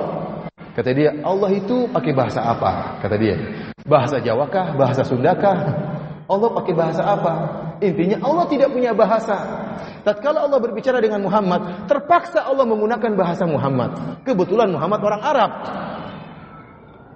Kesimpulannya Al-Quran itu sebenarnya bukan bahasa Allah. Tapi Al-Quran itu bahasa Muhammad. Muhammad ada apa namanya kalau kita dulu belajar mengarang di sekolah ada apa namanya ruus aklam apa namanya kalau bahasa Indonesia itu ada gagasan-gagasan yang ada di Allah itu diungkapkan dengan bahasa manusia. Jadi seorang penulis dia kan punya gagasan, itu tidak. Kemudian dia menulis. Tatkala dia menulis dia menggunakan ungkapan-ungkapan. Ungkapan ini bisa dengan bahasa dia bisa juga dengan ungkapan orang yang ingin membaca. Misalnya saya, saya bicara saya, saya punya gagasan untuk mengajar anak-anak. Saya bisa berbicara dengan bahasa sebagai saya Firanda yang pernah belajar. Karena saya ingin mengajari anak-anak, maka saya turunkan level saya, saya pakai bahasa anak-anak. Jika saya menulis dengan bahasa apa? Bahasa dia. Tapi saya punya gagasan. Jadi kata mereka Allah punya gagasan. Tidak mungkin Allah ungkapkan karena Allah tidak punya bahasa dan Allah tidak punya uh, suara. Maka terpaksa Allah ungkapkan dengan bahasa Muhammad sallallahu alaihi wasallam. Rata-rata orang liberal berpendapat demikian seluruhnya. Kalau saya mau sebutkan nama-nama yang buku-bukunya saya ada, tapi cukup ulil saja yang kita sebutkan namanya. Yang lain nanti antum cari sendiri. Intinya demikian. Baik, kalau Al-Quran itu ternyata bukan bahasa Allah, berarti Al-Quran bukan mukjizat. Dan perkataan orang liberal ini sama seperti perkataan Walid ibn Mughirah yang mengatakan in hadza illa qaulul bashar. Tidaklah Al-Quran ini kecuali hanya perkataan manusia. Al-Walid Al-Walid ibn Mughirah tatkala membantah Muhammad sallallahu alaihi wasallam, dia menolak Al-Quran, dia mengatakan in hadza illa qaulul bashar. Sungguhnya Al-Quran ini hanyalah perkataan manusia. Kata Allah, sauslihi saqar. Aku akan masukkan dalam neraka jahanam. Kalau ada orang bilang Al-Quran ini hanya bahasa Muhammad, kita bilang sauslihi saqar. Allah akan masukkan kau dalam apa? Neraka jahanam. Yang bilang begitu siapa? Allah dalam surat Al-Qiyamah. Wa ma adraka ma saqar? La tubqi wa la tadhar lawahatul lil bashar. Tahukah engkau apa neraka saqar? Neraka saqar kalau sudah menyerang tidak tidak ada yang disisakan. Akan menghancurkan, membakar kulit-kulit. Itulah neraka saqar. Siapa yang berani mengatakan Al-Qur'an bahasa manusia? Kalau Al-Quran bahasa manusia, kita katakan, Fa'du bi surati mimithlihi. Datangkanlah Al-Quran yang semisalnya. Kalau memang itu bahasa Muhammad. Kalau Al-Quran bahasa Muhammad, harusnya Abu Jahal bisa bikin seperti Al-Quran. Dia atau tidak? Kalau Al-Quran bahasanya Muhammad, maka Al-Quran itu bukan mukjizat. Kalau Al-Quran adalah bahasa Muhammad, kenapa Allah mengatakan, Kulla ini ijtama'atil insu wal jinnu ala ayyatu bimithli hadal Quran, la ya'tuna bimithlihi walau kana ba'dhum li ba'dhin zahira. Taruhlah seluruh manusia dan jin, bukan cuma manusia. Jin Allah katakan, jin dan manusia seluruhnya berkumpul. Bersatu padu untuk membuat Al-Quran, mereka tidak akan bisa mendatangkan semisal Al-Quran. Kalau Al-Quran itu bahasa Muhammad, ya kita boleh sholat pakai bahasa Indonesia. Karena Muhammad hanya sekedar menafsirkan gagasan Allah. Kita juga boleh menafsirkan gagasan Muhammad. Gitu tidak? Ini amburadul gara-gara keyakinan seperti ini, maka Al-Quran itu akhirnya apa? Dianggap produk budaya oleh orang-orang liberal. Al-Quran produk budaya, bahasanya bahasa manusia, dan bernuansa Arab.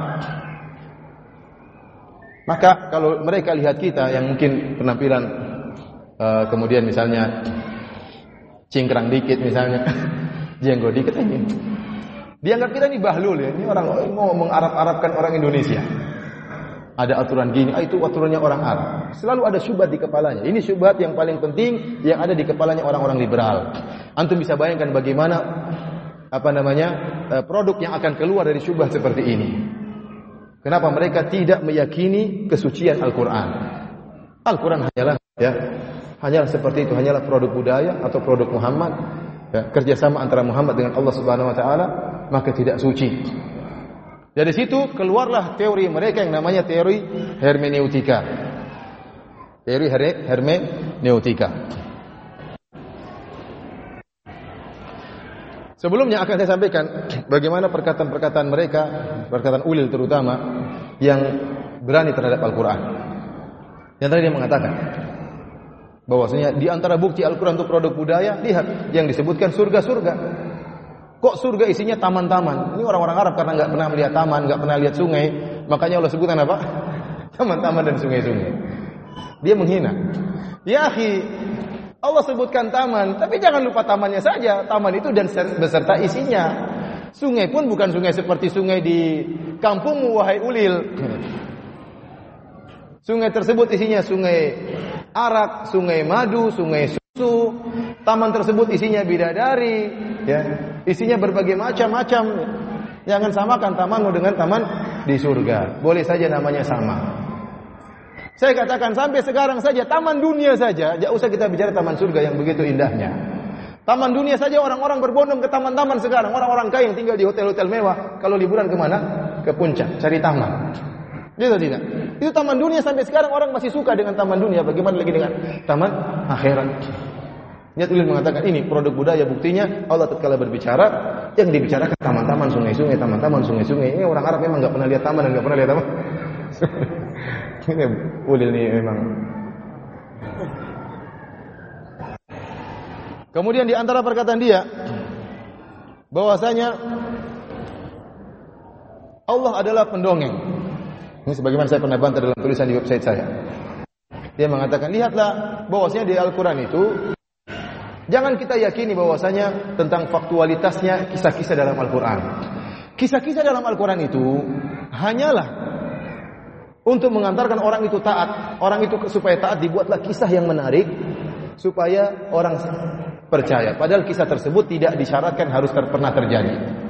Dia mengatakan bagaimana kisah cerita kalau kita cerita para nabi, ceritanya Allah utus nabi, kemudian nabi berdakwah kepada kaumnya, kaumnya tidak terima, Allah ngamuk, Allah kirim azab. Seluruh model cerita seperti itu. Ini cerita dongeng kata dia. Subhanallah. Ya akhi antum saja tidak mau dikatakan mendongeng, apalagi Allah Subhanahu wa taala. Melazimkan Allah berdosa dan tidak ada masalah bagi orang liberal Allah berdosa katanya berdosa untuk kebaikan. Oleh karena Nur Khalis Majid dalam kitabnya Fikih Lintas Fikih, Lintas Agama, dia menukil perkataan Ibnu Sina. Ibnu Sina adalah termasuk orang-orang filsafat. Mereka mengatakan bahwasanya para anbiya, para nabi itu berdusta tatkala menyebutkan surga dan neraka. Surga dan neraka itu mustahil ada, enggak ada. Jadi surga dan neraka itu Allah gambarkan dalam Al-Quran hanya sekedar menakut-nakuti orang-orang Arab. Kalau tidak ditakut-takuti mereka tidak mau baik. Jadi intinya agama mereka itu yang penting berakhlak mulia. Bagaimana bisa berakhlak mulia? Bagaimana supaya tidak berzina? Bagaimana supaya tidak mencuri? Bagaimana supaya tidak membunuh? Bagaimana supaya tidak merampok? Caranya ditakut-takuti. Cara menakut-nakutinya dengan dibuat gambaran ada surga dan neraka. Kalau kau tidak mencuri masuk surga. Kalau kau mencuri masuk neraka. Sebenarnya surga dan neraka itu tidak ada. Ini keyakinan Ibnu Sina dan dinukil oleh Nur Khalis Majid. Ya ini seperti apa? Ini ini benar-benar awalnya tadi karena mengatakan Al-Qur'an itu produk budaya, produk manusia, bukan produk bukan firman Allah Subhanahu wa taala. Tapi para hadirin rahmatillah subhanahu wa taala ini di antara perkataan sehingga dia mengatakan Tuhan yang tersebut dalam Al-Qur'an kok ada bau-bau Yahudi, kok sadis gitu maksudnya Tuhannya apa? Pendendam. Allah yang Allah ceritakan Tuhan dalam Al-Quran datang kemudian seorang Nabi berdakwah kemudian tidak diterima kemudian diturunkan azab oleh Allah Subhanahu Wa Taala. Artinya kok segitu-gitunya Allah Subhanahu Wa Taala? Ada nuansa Yahudi Tuhan ini. Ini perkataan udah dalam buku dia. Sampai dia membandingkan antara cerita Spider-Man dengan cerita dongeng dalam Al-Quran. Sama-sama dongeng katanya Cuma kalau dongeng Spiderman tidak masuk akal, kalau dongeng dalam Al-Quran ya masih mending Nabi Adam kan manusia yang menjadi pemeran aktornya adalah manusia biasa. Beda kalau Spiderman nggak masuk akal, loncat sana loncat sini ya. Ini berangkat berangkat dari mana? Berangkat dari meyakini Al-Quran adalah produk budaya. Kemudian para hadirin rahmatillah subhanahu wa taala, di antara perkataan hal ulil yang sangat berbahaya, dia mengatakan bahwasanya tidak ada hukum Allah, tidak ada. Yang ada hanya hukum manusia.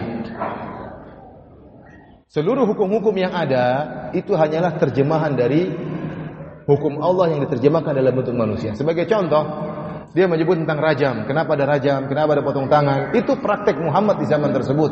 Yang Allah inginkan jangan ada keributan, jangan ada kezaliman, jangan ada perampokan, jangan ada pencurian.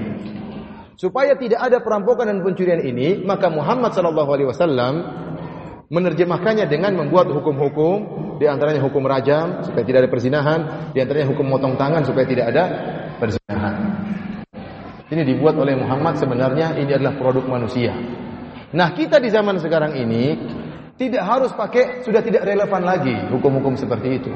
Hukum-hukum itu hanyalah berjalan di zaman Muhammad sallallahu alaihi wasallam di zaman ketika itu di bangsa Arab maka terbatas dengan situasi dan kondisi. Tatkala kita pindahkan model ini ke zaman sekarang sudah tidak relevan lagi.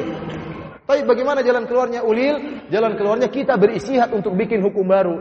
Yang penting bagaimana orang itu tidak mencuri dan tidak membunuh. Sekarang kan ada penjara, sekarang kan ada hukum denda, sekarang kan ada hukum macam-macam. Tidak sama seperti dahulu, tidak ada penjara, tidak ada ini, tidak ada anu. Ini pemikiran orang liberal. Makanya mereka dari sini kita tahu kenapa mereka memusuhi adanya negara Islam. Karena menurut mereka negara Islam itu hanya cocok di zaman Muhammad dengan sistemnya. Maka jangan kau pindah Arab ke Indonesia.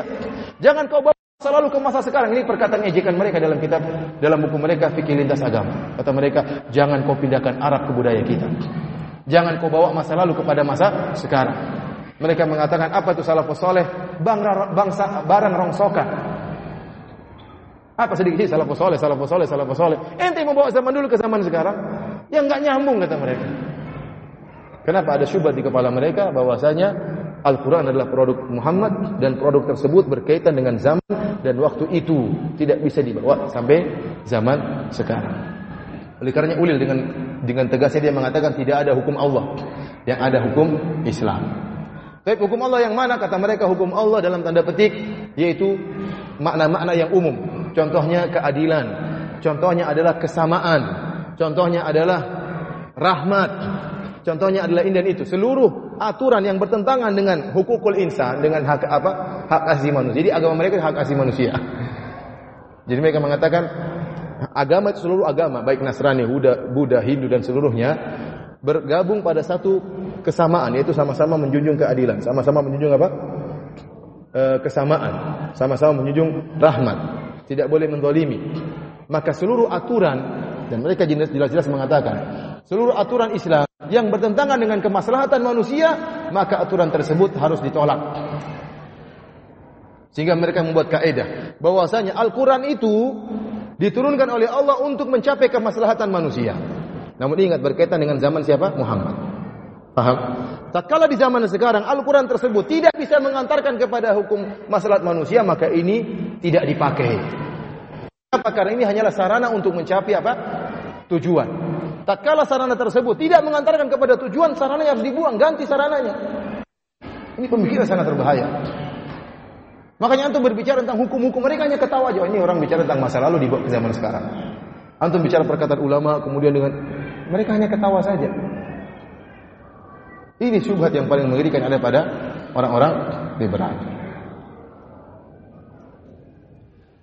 Para hadirin rahmatillah subhanahu wa ta'ala Ini di antara syubhat yang paling utama Yang ada di pemikiran mereka. Mudah-mudahan paham, paham atau tidak? Paham insyaAllah. Mudah-mudahan tidak terkena syubhat. Baik. Di antara syubhat yang mereka dengan dengungkan Mereka mengatakan bahwasanya seluruh segala perkara relatif tidak boleh kau fonis-fonis orang. Tidak kau tidak boleh kau mengatakan orang Nasrani di neraka, orang Yahudi di neraka, ke, kesyirikan di neraka tidak boleh. Kenapa? Karena semuanya adalah apa? Relatif. Sebenarnya pemahaman seperti ini ini juga dari orang-orang dan sudah dibantah oleh Ibnu Taimiyah rahimahullah dalam Majmu' Fatawa dan juga disebutkan oleh Ibnu Hazm ini salah satu pemikiran orang-orang filsafat. Ibnu Hazm dalam kitabnya Al-Fisal menyebutkan di antara pemikiran orang filsafat kalau nggak salah Pitagoras menyatakan bahwasanya tidak ada yang mutlak, semuanya nisbi, semuanya relatif. Jadi sebenarnya orang-orang liberal itu sudah punya pemahaman-pemahaman dari filsafat. Cuma dia ingin mendalilkannya, mengislamkan pemahaman ini. Maka dia cari-cari dalil yang kira-kira cocok untuk dipasangkan pada pemahaman seperti itu. Carilah dia dalil-dalil dengan tafsiran-tafsiran dia sendiri. Dia pasang, oh begini maksudnya, oh begini maksudnya. Padahal para ulama tidak ada yang menafsirkan seperti dia. Kalau dia menukil ada ulama berpendapat dengan dia, maka itu bohong. Itu bohong, saya sudah cek langsung. Buku-buku dalam buku-buku mereka, risalah-risalah doktorah mereka ternyata isinya kebohongan. Para hadirin rahmatillah subhanahu wa taala, mereka mengatakan tidak ada yang absolut, semuanya relatif. Ada yang mutlak, semuanya nisbi. Sehingga tatkala antum berdebat dengan dia, antum mengatakan ini salah, itu salah, itu kan menurut kamu. Kebenaran tidak ada yang absolut. Menurut saya tidak demikian. Maka hargailah pendapat saya. Kita katakan perkataan mereka adalah perkataan yang paling batil, tidak benar. Di dunia ini banyak perkara-perkara yang absolut yang disepakati oleh seluruh orang. Contohnya api itu panas itu absolut atau tidak? Atau masih relatif? Api itu panas relatif atau absolut? Absolut. Kalau nggak percaya, bakar itu dia. Langit di atas itu absolut apa relatif? Di atas antum, relatif atau atau negatif? Relatif atau absolut? Absolut jelas. Satu itu setengahnya dua. Itu relatif atau absolut? Absolut. Terlalu banyak perkara yang orang absolut. Seandainya tidak ada perkara yang kita sepakati, kita nggak akan bisa jalan bersama. Tidak mungkin ada satu kelompok bisa bersama, kecuali ada perkara yang mereka sepakati. Kalau seluruh perkara relatif, nggak akan jalan di suatu negeri. Kenapa ada namanya misalnya markas polisi? Karena mereka punya ada kesepakatan, ada suatu hal yang mereka sepakati. Meskipun mungkin perinciannya ada yang relatif, tetapi ada suatu yang mereka sepakati. Kezaliman itu nggak benar. Mereka sepakati. Perkara absolut sangat banyak. Jadi perkataan mereka seluruh perkara itu relatif itu nggak benar. Ini yang pertama.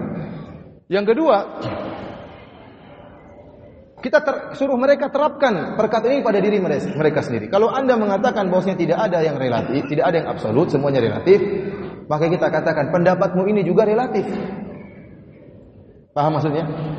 Perkataan mereka bahwasanya tidak ada tidak ada suatu perkara yang absolut, semuanya relatif, itu juga itu juga relatif. Maka jangan ngotot. Kalau saya mengatakan perkataanmu salah, itu hak saya. Menurut kamu benar, menurut saya tidak. Kita kan ini semua kan relatif. Maka jangan ngotot, ya. Kalau mereka mengatakan orang-orang Nasrani di surga, kita bilang itu relatif. Menurut saya di neraka jahanam, apa masalahnya? Apa masalahnya? Kalau tidak ada sesuatu yang absolut, kita nggak bisa nangkap orang. Ada orang berzina, kita mau tangkap. Menurut kamu haram, menurut saya enggak, kan relatif.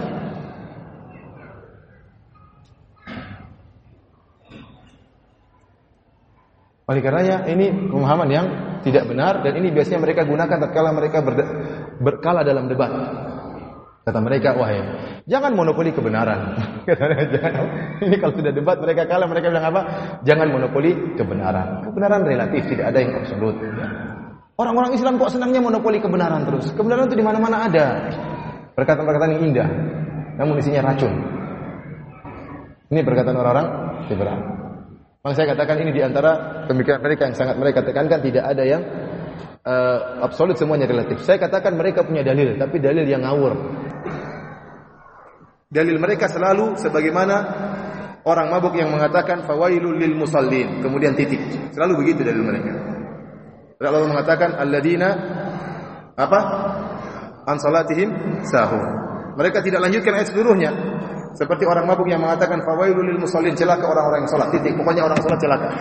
Itulah pendalilan mereka. Kalau antum melihat mereka sebutkan dalil, antum lihat sebelumnya dan sudahnya, pasti bantahan terhadap mereka. Seluruh dalil yang saya uh, disertasi, disertasi saya judulnya tentang bantahan terhadap dalil-dalil yang digunakan oleh orang-orang liberal, baik dari Al-Quran maupun Sunnah Nabi SAW. Karena mereka berusaha mengislamkan liberal mereka. Padahal Islam tidak akan bisa nyambung dengan liberal. Dua hal yang kontradiktif tidak mungkin bersatu antara Islam dengan apa? Liberal. Islam datang untuk mengatur liberal untuk melepas aturan. Tidak mungkin bersatu-satu. Namun mereka berusaha mencari dalil-dalil.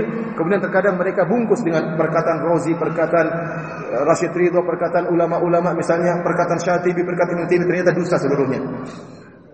Ternyata seluruhnya dusta. Kalau kita membahas tentang dalil mereka tentunya waktunya sangat panjang. Namun saya katakan secara umum bahwasanya dalil mereka tidak benar ya. Dan kaidah seperti ini pun sudah tidak masuk akal. Tapi di antara pemikiran mereka atau produk dari keyakinan mereka adalah tentang uh, masalah metode tafsir hermeneutika. Ini yang sangat menyedihkan. Diajarkan di sebagian universitas-universitas Islam, bahkan diwajibkan. Saya ada punya teman ya bercerita bahwasanya seorang disuruh menulis tentang disertasi atau magister ilmu tafsir. Tetapi tidak boleh pakai buku-buku ulama dahulu, tidak boleh. Harus dengan metode hermeneutika yaitu tafsir kontekstual. Dan namanya tafsir kontekstual di luar teks. Ini kan repot seperti ini. Oleh karena Nur Khalis Majid tatkala menyuarakan tentang hermeneutika, dia berdalil. Dia mengatakan sungguhnya ada orang-orang Islam yang pernah menggunakan metode seperti ini. Karena kita tahu seluruh namanya kita kita belajar Al-Quran ya kita tekstual ya atau tidak? Ya, namanya Al-Quran ya kita baca ya kita paham sesuai dengan teks yang ada. Mereka ingin ada namanya tafsir kontekstual di luar teks. Caranya bagaimana? Ya ini tidak ada metode. Jadi mereka pokoknya tafsirnya di luar teks. Nur Khalis Majid tatkala ingin melegalkan metode seperti ini, dia menyebutkan bahwasanya ada kelompok-kelompok Islam yang pernah melakukan tafsir kontekstual hermeneutika atau semirip dengan ini. Contohnya adalah disebutkan Ibnu Sina tadi. Ibnu Sina orang-orang orang-orang filsafat dituduh sebagai pendusta. Namun Ibnu Khalis Majid benar mereka dusta namun dusta demi kebenaran. Artinya apa? Orang-orang ahli filsafat ini menuduh Nabi Muhammad berdusta. Nabi Muhammad tatkala berbicara tentang surga, tentang neraka, tentang al-alam gaib, semuanya itu dusta, tidak benar, tidak ada karena tidak masuk akal. Tetapi sengaja Nabi berbuat dusta seperti itu supaya orang-orang takut dan tidak berbuat maksiat dan dusta ini dibolehkan. Dusta demi apa? Kebaikan. Ini berarti tafsirnya tafsir apa konteks Tuhan. Jadi dalam Al-Qur'an ada disebutkan surga neraka, kata mereka enggak ada surga dan neraka. Jadi tafsir tersebut bertentangan dengan apa? Teks yang sesungguhnya. Paham maksud saya? Itu namanya tafsir kontekstual atau ditinjau dari hal-hal yang lain.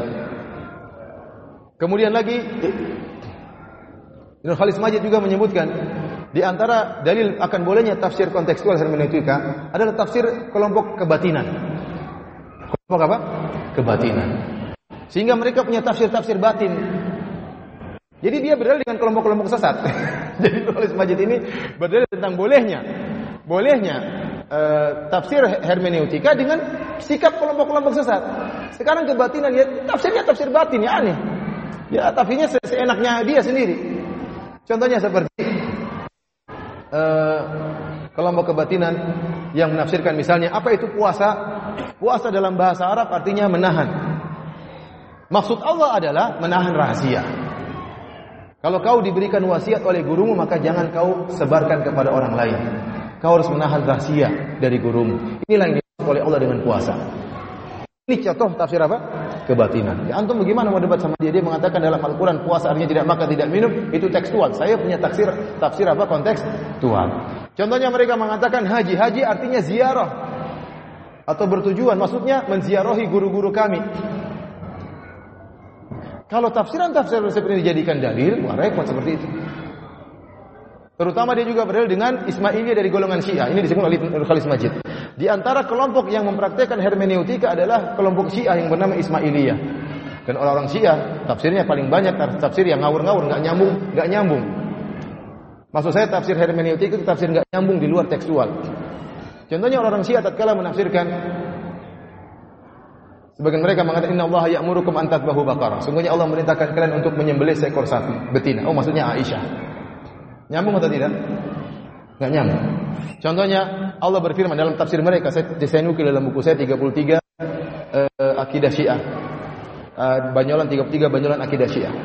Orang-orang Syiah mengatakan firman Allah, "Daraballahu mathalan lil ladzina kafaru imra'ata uh, daraballahu mathalan lil ladzina amanu imra'ata fir'aun." Sungguhnya Allah telah memberi perumpamaan kepada orang beriman tentang istri Fir'aun. Kata mereka maksudnya Fir'aun adalah Utsman bin Affan, istrinya maksudnya Ruqayyah. Nyambung atau tidak?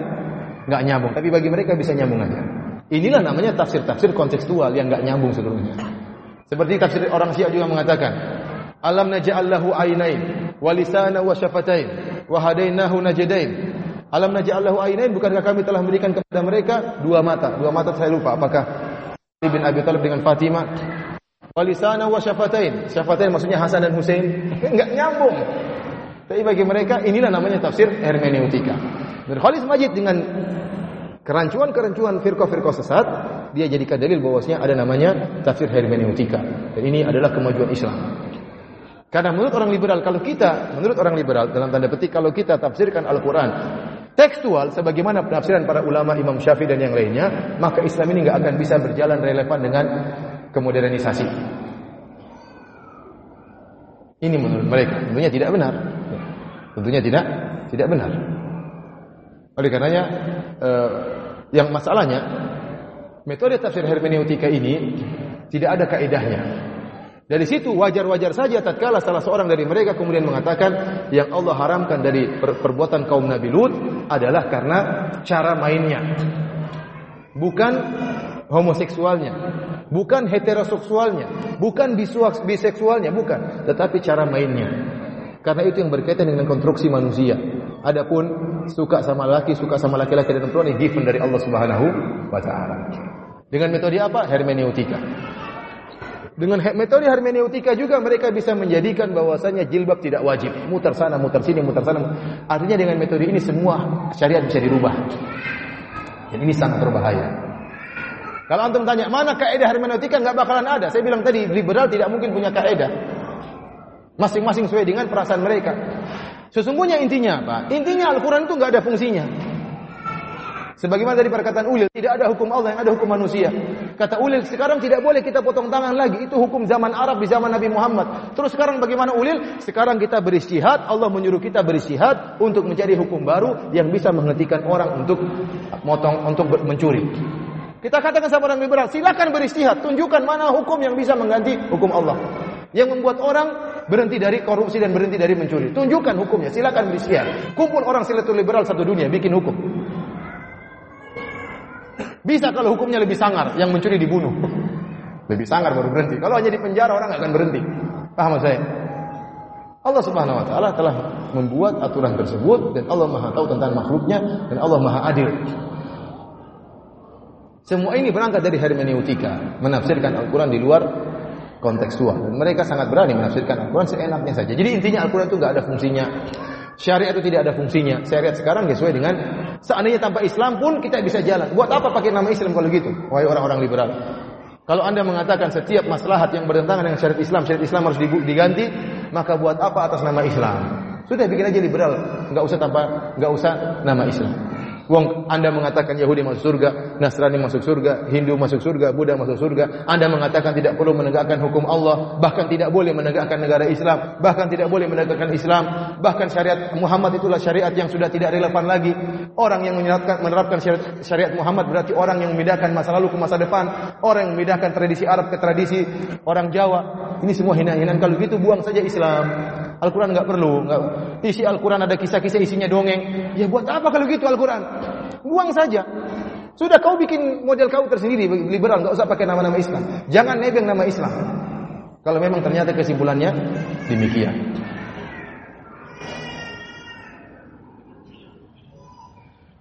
Para hadirin rahmatillah subhanahu wa taala, di antara produk mereka, mereka mengatakan dengan kesetaraan. Ini tadi sudah saya singgung bahwasanya kesetaraan antara laki dengan wanita. Ini sering saya sampaikan bahwasanya Islam tidak pernah Islam tidak pernah menyuruhkan kesamaan. Yang Islam serukan adalah keadilan. Yang Islam serukan adalah apa? Ke keadilan. Bahkan Islam menyalahkan orang yang menyamakan dua hal yang berbeda. Contohnya Allah berfirman, "Qul hal yastawil ladina ya'lamuna wal ladina la ya'lamun." Katakanlah apa apakah sama antara orang yang berilmu dengan orang yang tidak berilmu Allah bedakan. Antara anjing berilmu dengan anjing tidak berilmu Allah bedakan. Antara orang yang hidup dan yang mati Allah bedakan. Antara orang yang melihat dan orang yang buta Allah bedakan. Maka yang ada keadilan, keadilan apa? Meletakkan suatu pada tempatnya. Itu yang Allah junjung syariat Islam, syariat Islam junjung. Bukan kesamaan. Nah, kalau ada orang yang menyamakan dua hal yang berbeda, ini orang yang bodoh seperti ini. Karenanya orang-orang liberal ingin menyamakan wanita dengan lelaki dalam segala hal. Adapun Raden Ajeng Kartini rahimahullah Beliau tatkala berbicara tentang emansipasi, beliau hanya berbicara tentang pendidikan, ya atau tidak? Dan sampai sekarang nggak jadi masalah. Kalau pendidikan silakan. Wanita silakan jadi dokter, terutama dokter kandungan, dokter yang berkaitan dengan wanita sangat penting. Bukan dalam segala harus emansipasi. Sementara liberal tidak, emansipasinya semua dalam segala hal. Sebelum saya sampai contohnya mereka mengatakan boleh jadi perempuan boleh jadi imam tidak? Boleh. Karena dalam saya ada nama sekolah di Jakarta tatkala muridnya ingin bikin tulisan di, apa tesis tatkala tadi saya katakan tentang masalah tafsir dia mengatakan tafsirnya harus dari tafsir orang-orang sekarang orang-orang liberal seperti Aminah Wadud yang pernah jadi imam ya tidak? Yang apa khutbah Jumat ya? Khutbah Jumat. Kalau lagi khutbah kemudian keluar haid bagaimana? Ya akhir tafsir dari orang seperti orang liberal jadi maunya disamakan wanita dan laki dari segala sisi. Wanita boleh laki-laki boleh keluar, laki perempuan juga boleh keluar. Wanita boleh jadi imam, laki-laki jadi imam, perempuan juga boleh jadi imam. Laki-laki ada masa iddahnya, perempuan ada masa iddahnya, laki-laki juga harus ada masa iddahnya. Perempuan boleh laki-laki boleh cerai, perempuan juga boleh jatuhkan talak. Memang saya laki-laki saja yang boleh jatuhkan talak, perempuan juga boleh jatuhkan talak. Ini semua kengawuran dan ini cara berpikir orang-orang barat dalam rangka menghinakan kaum wanita. Orang-orang barat Orang-orang kufar mereka menganggap hubungan antara wanita dengan lelaki adalah hubungan kompetisi. Wanita adalah kompetitor bagi lelaki, bersaing. Dan mereka demikian mereka perlakukan wanita. Lelaki supir tronton, wanita juga supir apa? Tronton. Lelaki binaraga, perempuan juga binaraga. Siapa yang mau kawin sama orang seperti ini? Laki main bola, perempuan juga main bola. Laki-laki wrestling, juga apa? Laki-laki tinju juga apa? Tinju. Itu maunya orang barat. Laki-laki buka-buka paha, perempuan juga buka paha. Laki-laki poligami, perempuan juga poliandri. Ini orang barat ingin menyamakan, ini artinya menghina wanita. Maksud mereka dengan penyamaan dalam segala hal ini agar wanita bisa disentuh dengan seenak mereka. Bisa diambil dengan seenak mereka. Islam tidak. Islam tidak memandang wanita sebagai kompetitor bagi lelaki, tetapi partner bagi lelaki. Lelaki butuh wanita. Ada hal-hal khusus yang tidak bisa dikerjakan oleh lelaki. Kerjaan yang membutuhkan kelembutan, kerjaan yang membutuhkan kesabaran seperti ngurus anak, mendidik anak-anak. Maka Islam menjunjung tinggi keadilan, menempatkan seorang sesuai dengan kapasitasnya. Wanita dengan sifat-sifatnya penuh kelembutan, dengan rasa malunya, dengan kelemahan tubuhnya, ini cocok kerjanya seperti ini.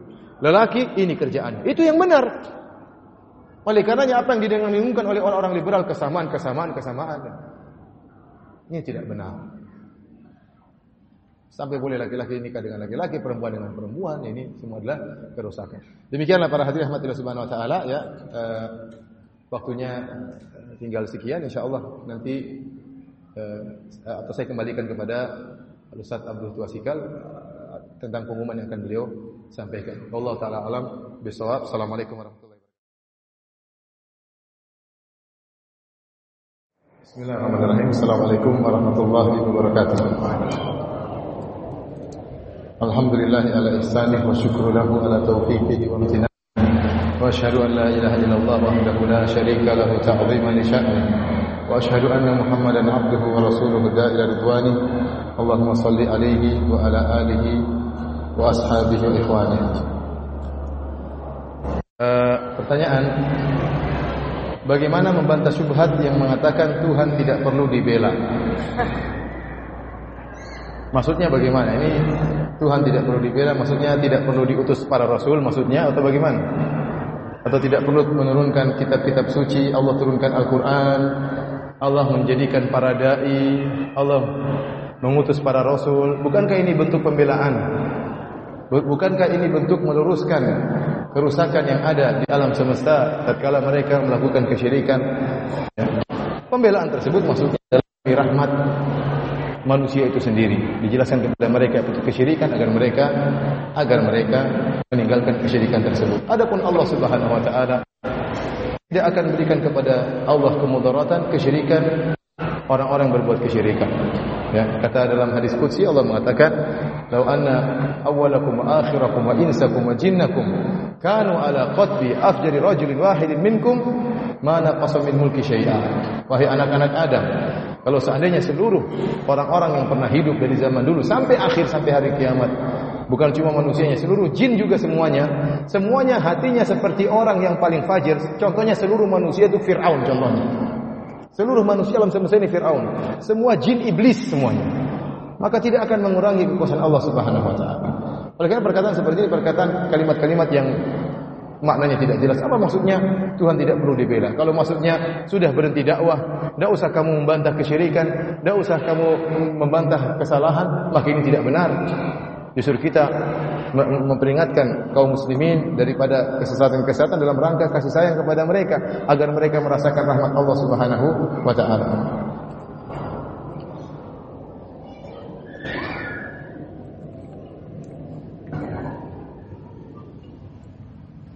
Ustaz saya mau bertanya sikap kita terhadap orang-orang yang punya orientasi seksual sebagaimana yang dijelaskan. Sedangkan saya seorang dokter, jadi harus objektif kepada pasien saya. Subhanallah, dokter itu perannya besar. Dokter itu terkadang atau sering ya, bukan terkadang, sering lebih didengar daripada ustaz. Orang tatkala datang berobat, dia sedang menyerahkan seluruh kepercayaannya kepada sang dokter.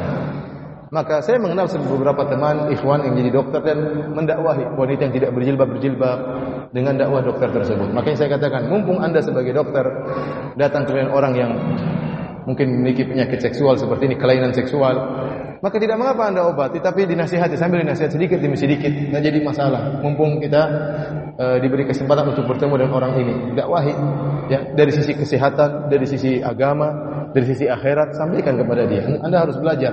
Dokter harus belajar untuk bisa menyampaikan karena ini bentuk kasih sayang kita kepada kepada mereka.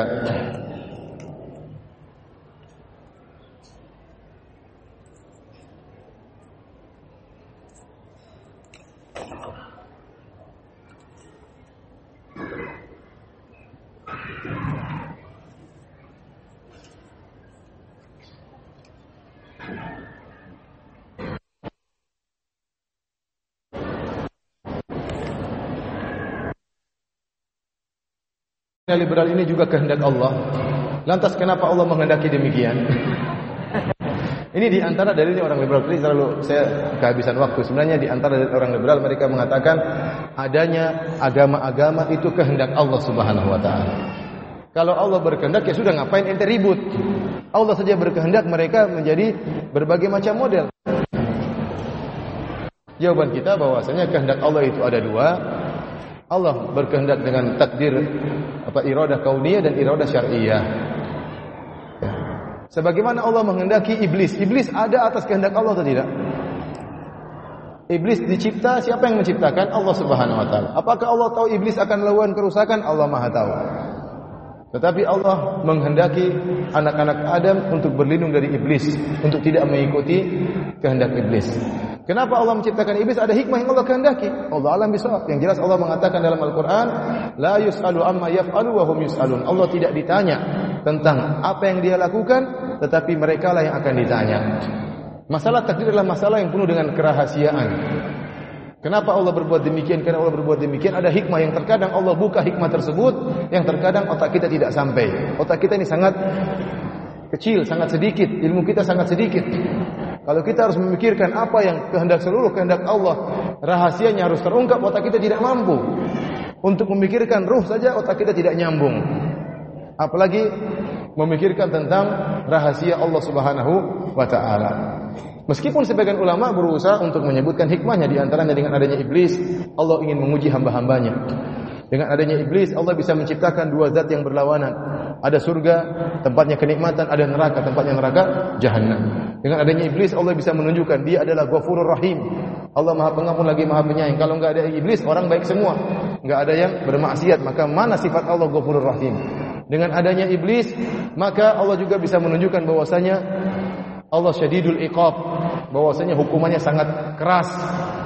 Dengan adanya iblis, Allah cinta melihat tatkala hamba-hambanya mendahulukan kecintaannya kepada Allah daripada mengikuti hawa nafsu yang ditiupkan oleh iblis. Artinya ini di antara hikmah-hikmah yang Allah kehendaki dari penciptaan iblis. Kalau iblis saja ada hikmahnya, apalagi diciptakannya orang-orang liberal. Pasti ada hikmahnya. Di antara hikmahnya, antum berusaha semakin mencintai Allah, semakin bertauhid kepada Allah. Rupanya ada orang-orang yang mengusik masalah ketauhidan. Allah alam bisawab. Demikianlah pertarungan antara batil dan kebenaran akan senantiasa ada sampai hari kiamat.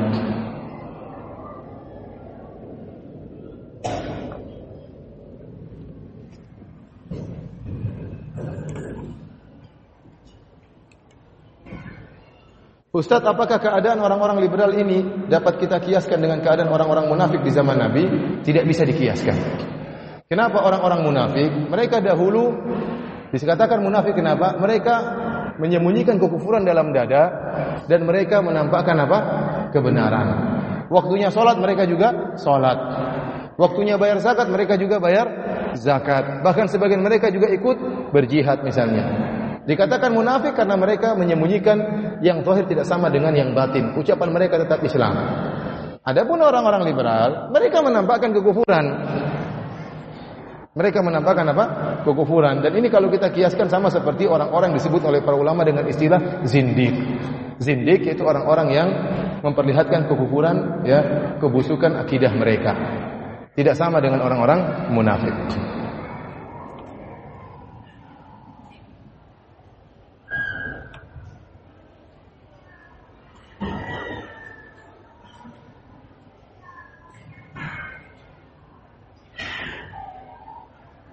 Berdasarkan e, mengerikannya Islam liberal sesuai penjelasan tadi. Nah, siapa Islam liberal itu sekarang di Indonesia? Di mana mereka? Buat apa tahu di mana mereka?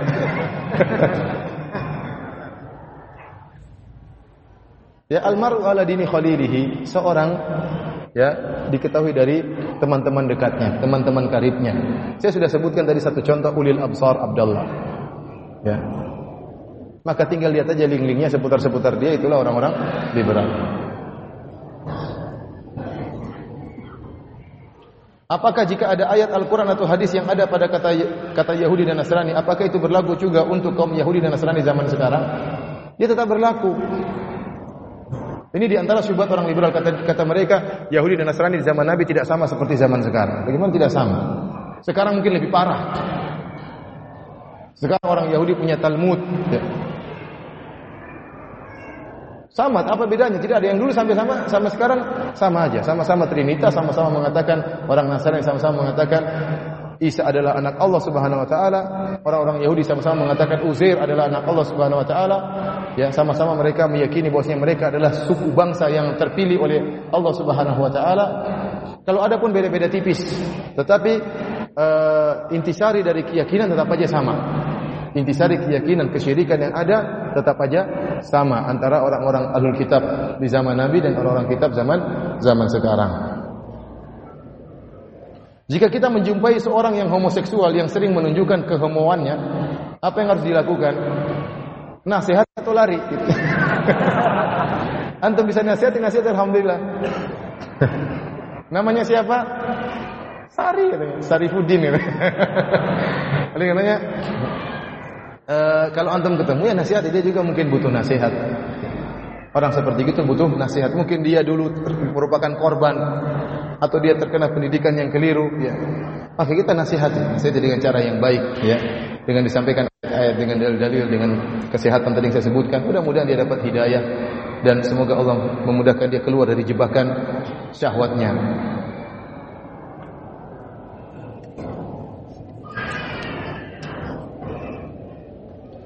Bagaimana menghadapi pemahaman liberal yang sekarang sudah dianggap biasa pada sekolah-sekolah umum, bahkan pada organisasi sekolah yang bernama Rohis, Kerohanian Islam, yang mayoritas terjadi di wilayah di wilayah Kalimantan. Yang di sana sangat sedikit dai sunnah. Apa motivasi untuk remaja Islam di sekolah umum tersebut? Ya seorang harus ber, berbekal dengan agama. Saya katakan tadi liberal suatu metode pemikiran yang dibangun di atas syubhat. Yang syubhat tersebut digodok dan dipelajari. Bukan sekedar syubhat yang numpang lewat, tidak. Ditulislah buku-buku disertasi tentang syubhat ini. Dan saya punya buku-buku tersebut.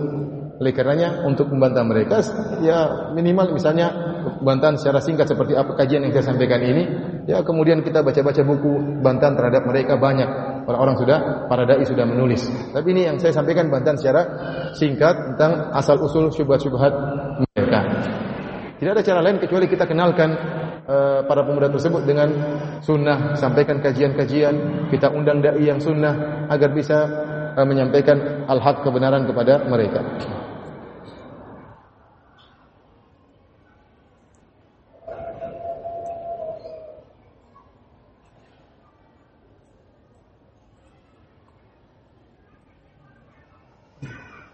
Bagaimana permasalahan tentang jil yang sangat meresahkan? Bagaimana menyikapi dan meluruskan akidah mereka? Haruskah kita menyelap, melenyapkan jil khususnya di kota ini?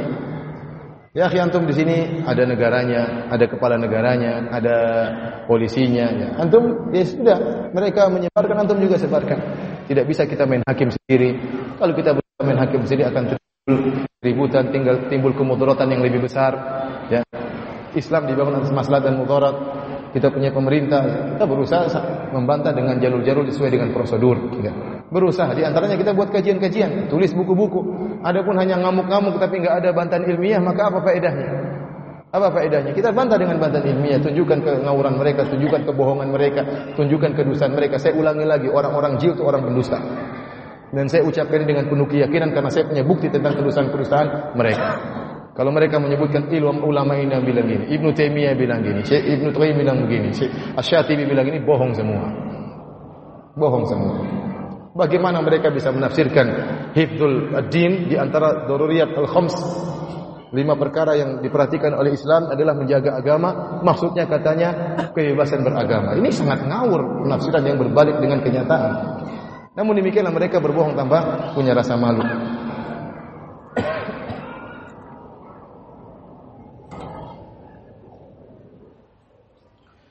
Bagaimana cara membedakan kaum liberal dengan kaum awam? Karena biasanya terkadang kaum awam menghukumi, menjudge para muslimah yang berjibab lebar terlalu fanatik.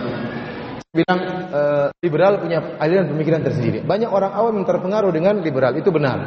Tapi belum tentu mereka liberal, hanya terkena syubhat-syubhat kecil aja. Hanya terkena syubhat-syubhat pemikiran kecil, namun mereka bukan dibangun di atas pemikiran. Beda kalau seperti Ulil dan teman-temannya, memang pola pikir mereka dibangun di atas apa? di atas pemikiran yang yang mereka kembangkan tadi saya katakan tadi. Ya. Jadi karena saya katakan bahaya liberal ini bahaya akan merusak akidah dan juga merusak moral bangsa. Bayangkan tadi kalau jilbab sudah tidak wajib, kemudian misalnya homoseksual tidak jadi masalah ya. Terus zina tidak tidak perlu hukum misalnya, apalagi kalau suka sama suka dan macam-macam lah. Akhirnya terus bagaimana? Bagaimana dengan masyarakat kita seperti ini? Akan rusak. Sebenarnya mereka ini ingin, ingin. Tidak usah pakai Al-Quran, ya sudah pakai hukum orang-orang Barat saja. Sebenarnya mereka ingin demikian. Mereka ingin diterapkan hukum-hukum Barat di tanah air kita. Kita bilang Alhamdulillah pemerintah kita masih ya ada hukum-hukum Islam yang mereka jaga ada. Kita berharap pemerintah semoga semakin ya, mengarah kepada hukum-hukum Islam. Bagaimanapun ada kelebihannya, ada kekurangannya.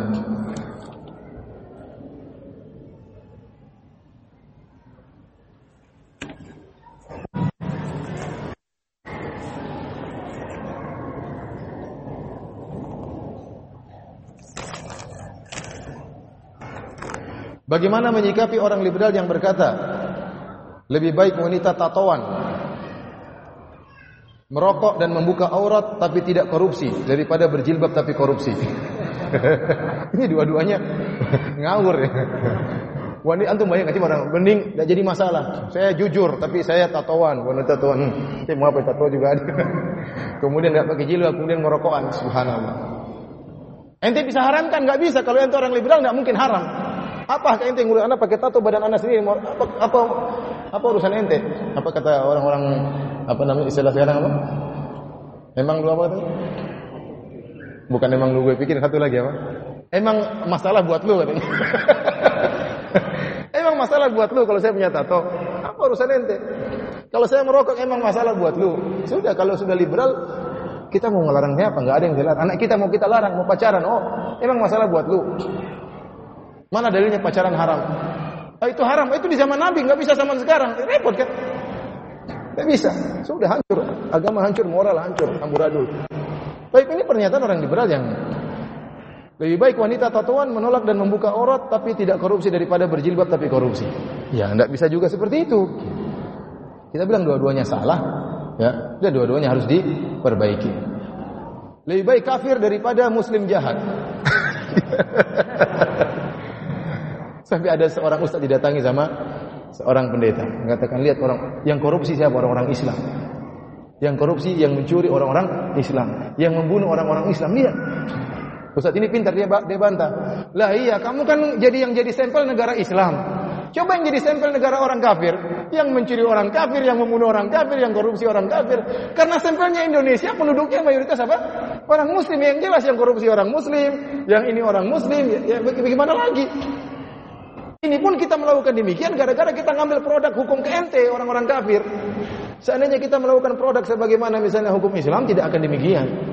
Sekarang kamu mencela orang Islam, ya, coba sana ambil sampel negara kafir yang bunuh-bunuhan, yang rampok-rampokan, yang ada sebuah negara yang mati lampu sebentar saja sudah banyak pencurian. Ya. Kenapa nggak ambil sampel misalnya Arab Saudi yang sederhana saja? Artinya mana kriminal? Sangat kecil, hampir-hampir tidak ada. Polisi nggak ada kerjaan di Arab Saudi. Diam-diam minum teh, kemudian waktunya sholat-sholat. Nggak ada kerjaan di sana. Saya lihat polisi, benar nggak ada kerjaan. Tangkap polisi, tangkap polisi, polisi. Saya ditangkap waktu saya ngelar lampu merah. Ngelar lampu merah karena kondisi darurat waktu saya maju, tahu-tahu masih hijau. Waktu saya keluar tahu-tahu kejebak orang-orang banyak macet sehingga waktu orang sudah lewat sudah terlanjur merah. Terpaksa saya lewat lagi, ditangkap sama polisi. Ya, aduh saya mau ke masjid Nabawi, udah pergi aja katanya. Artinya sekarang ya untuk ambil sampel tentang di negeri kita ya semua pelaku kriminalnya memang orang Islam kebanyakannya, kebanyakannya orang Islam. Taruhlah yang korupsi mungkin. Apakah orang-orang kafir di sini juga tidak berbuat jahat? Saya tanya sama antum, apa kalau orang kafir juga di Indonesia tidak berbuat jahat? Mereka juga berbuat banyak masalah, banyak kezaliman. Baik nampak maupun tidak tidak nampak. Lebih baik tidak berjilbab tapi baik daripada jilbab tapi tidak baik. Sama aja, tuan.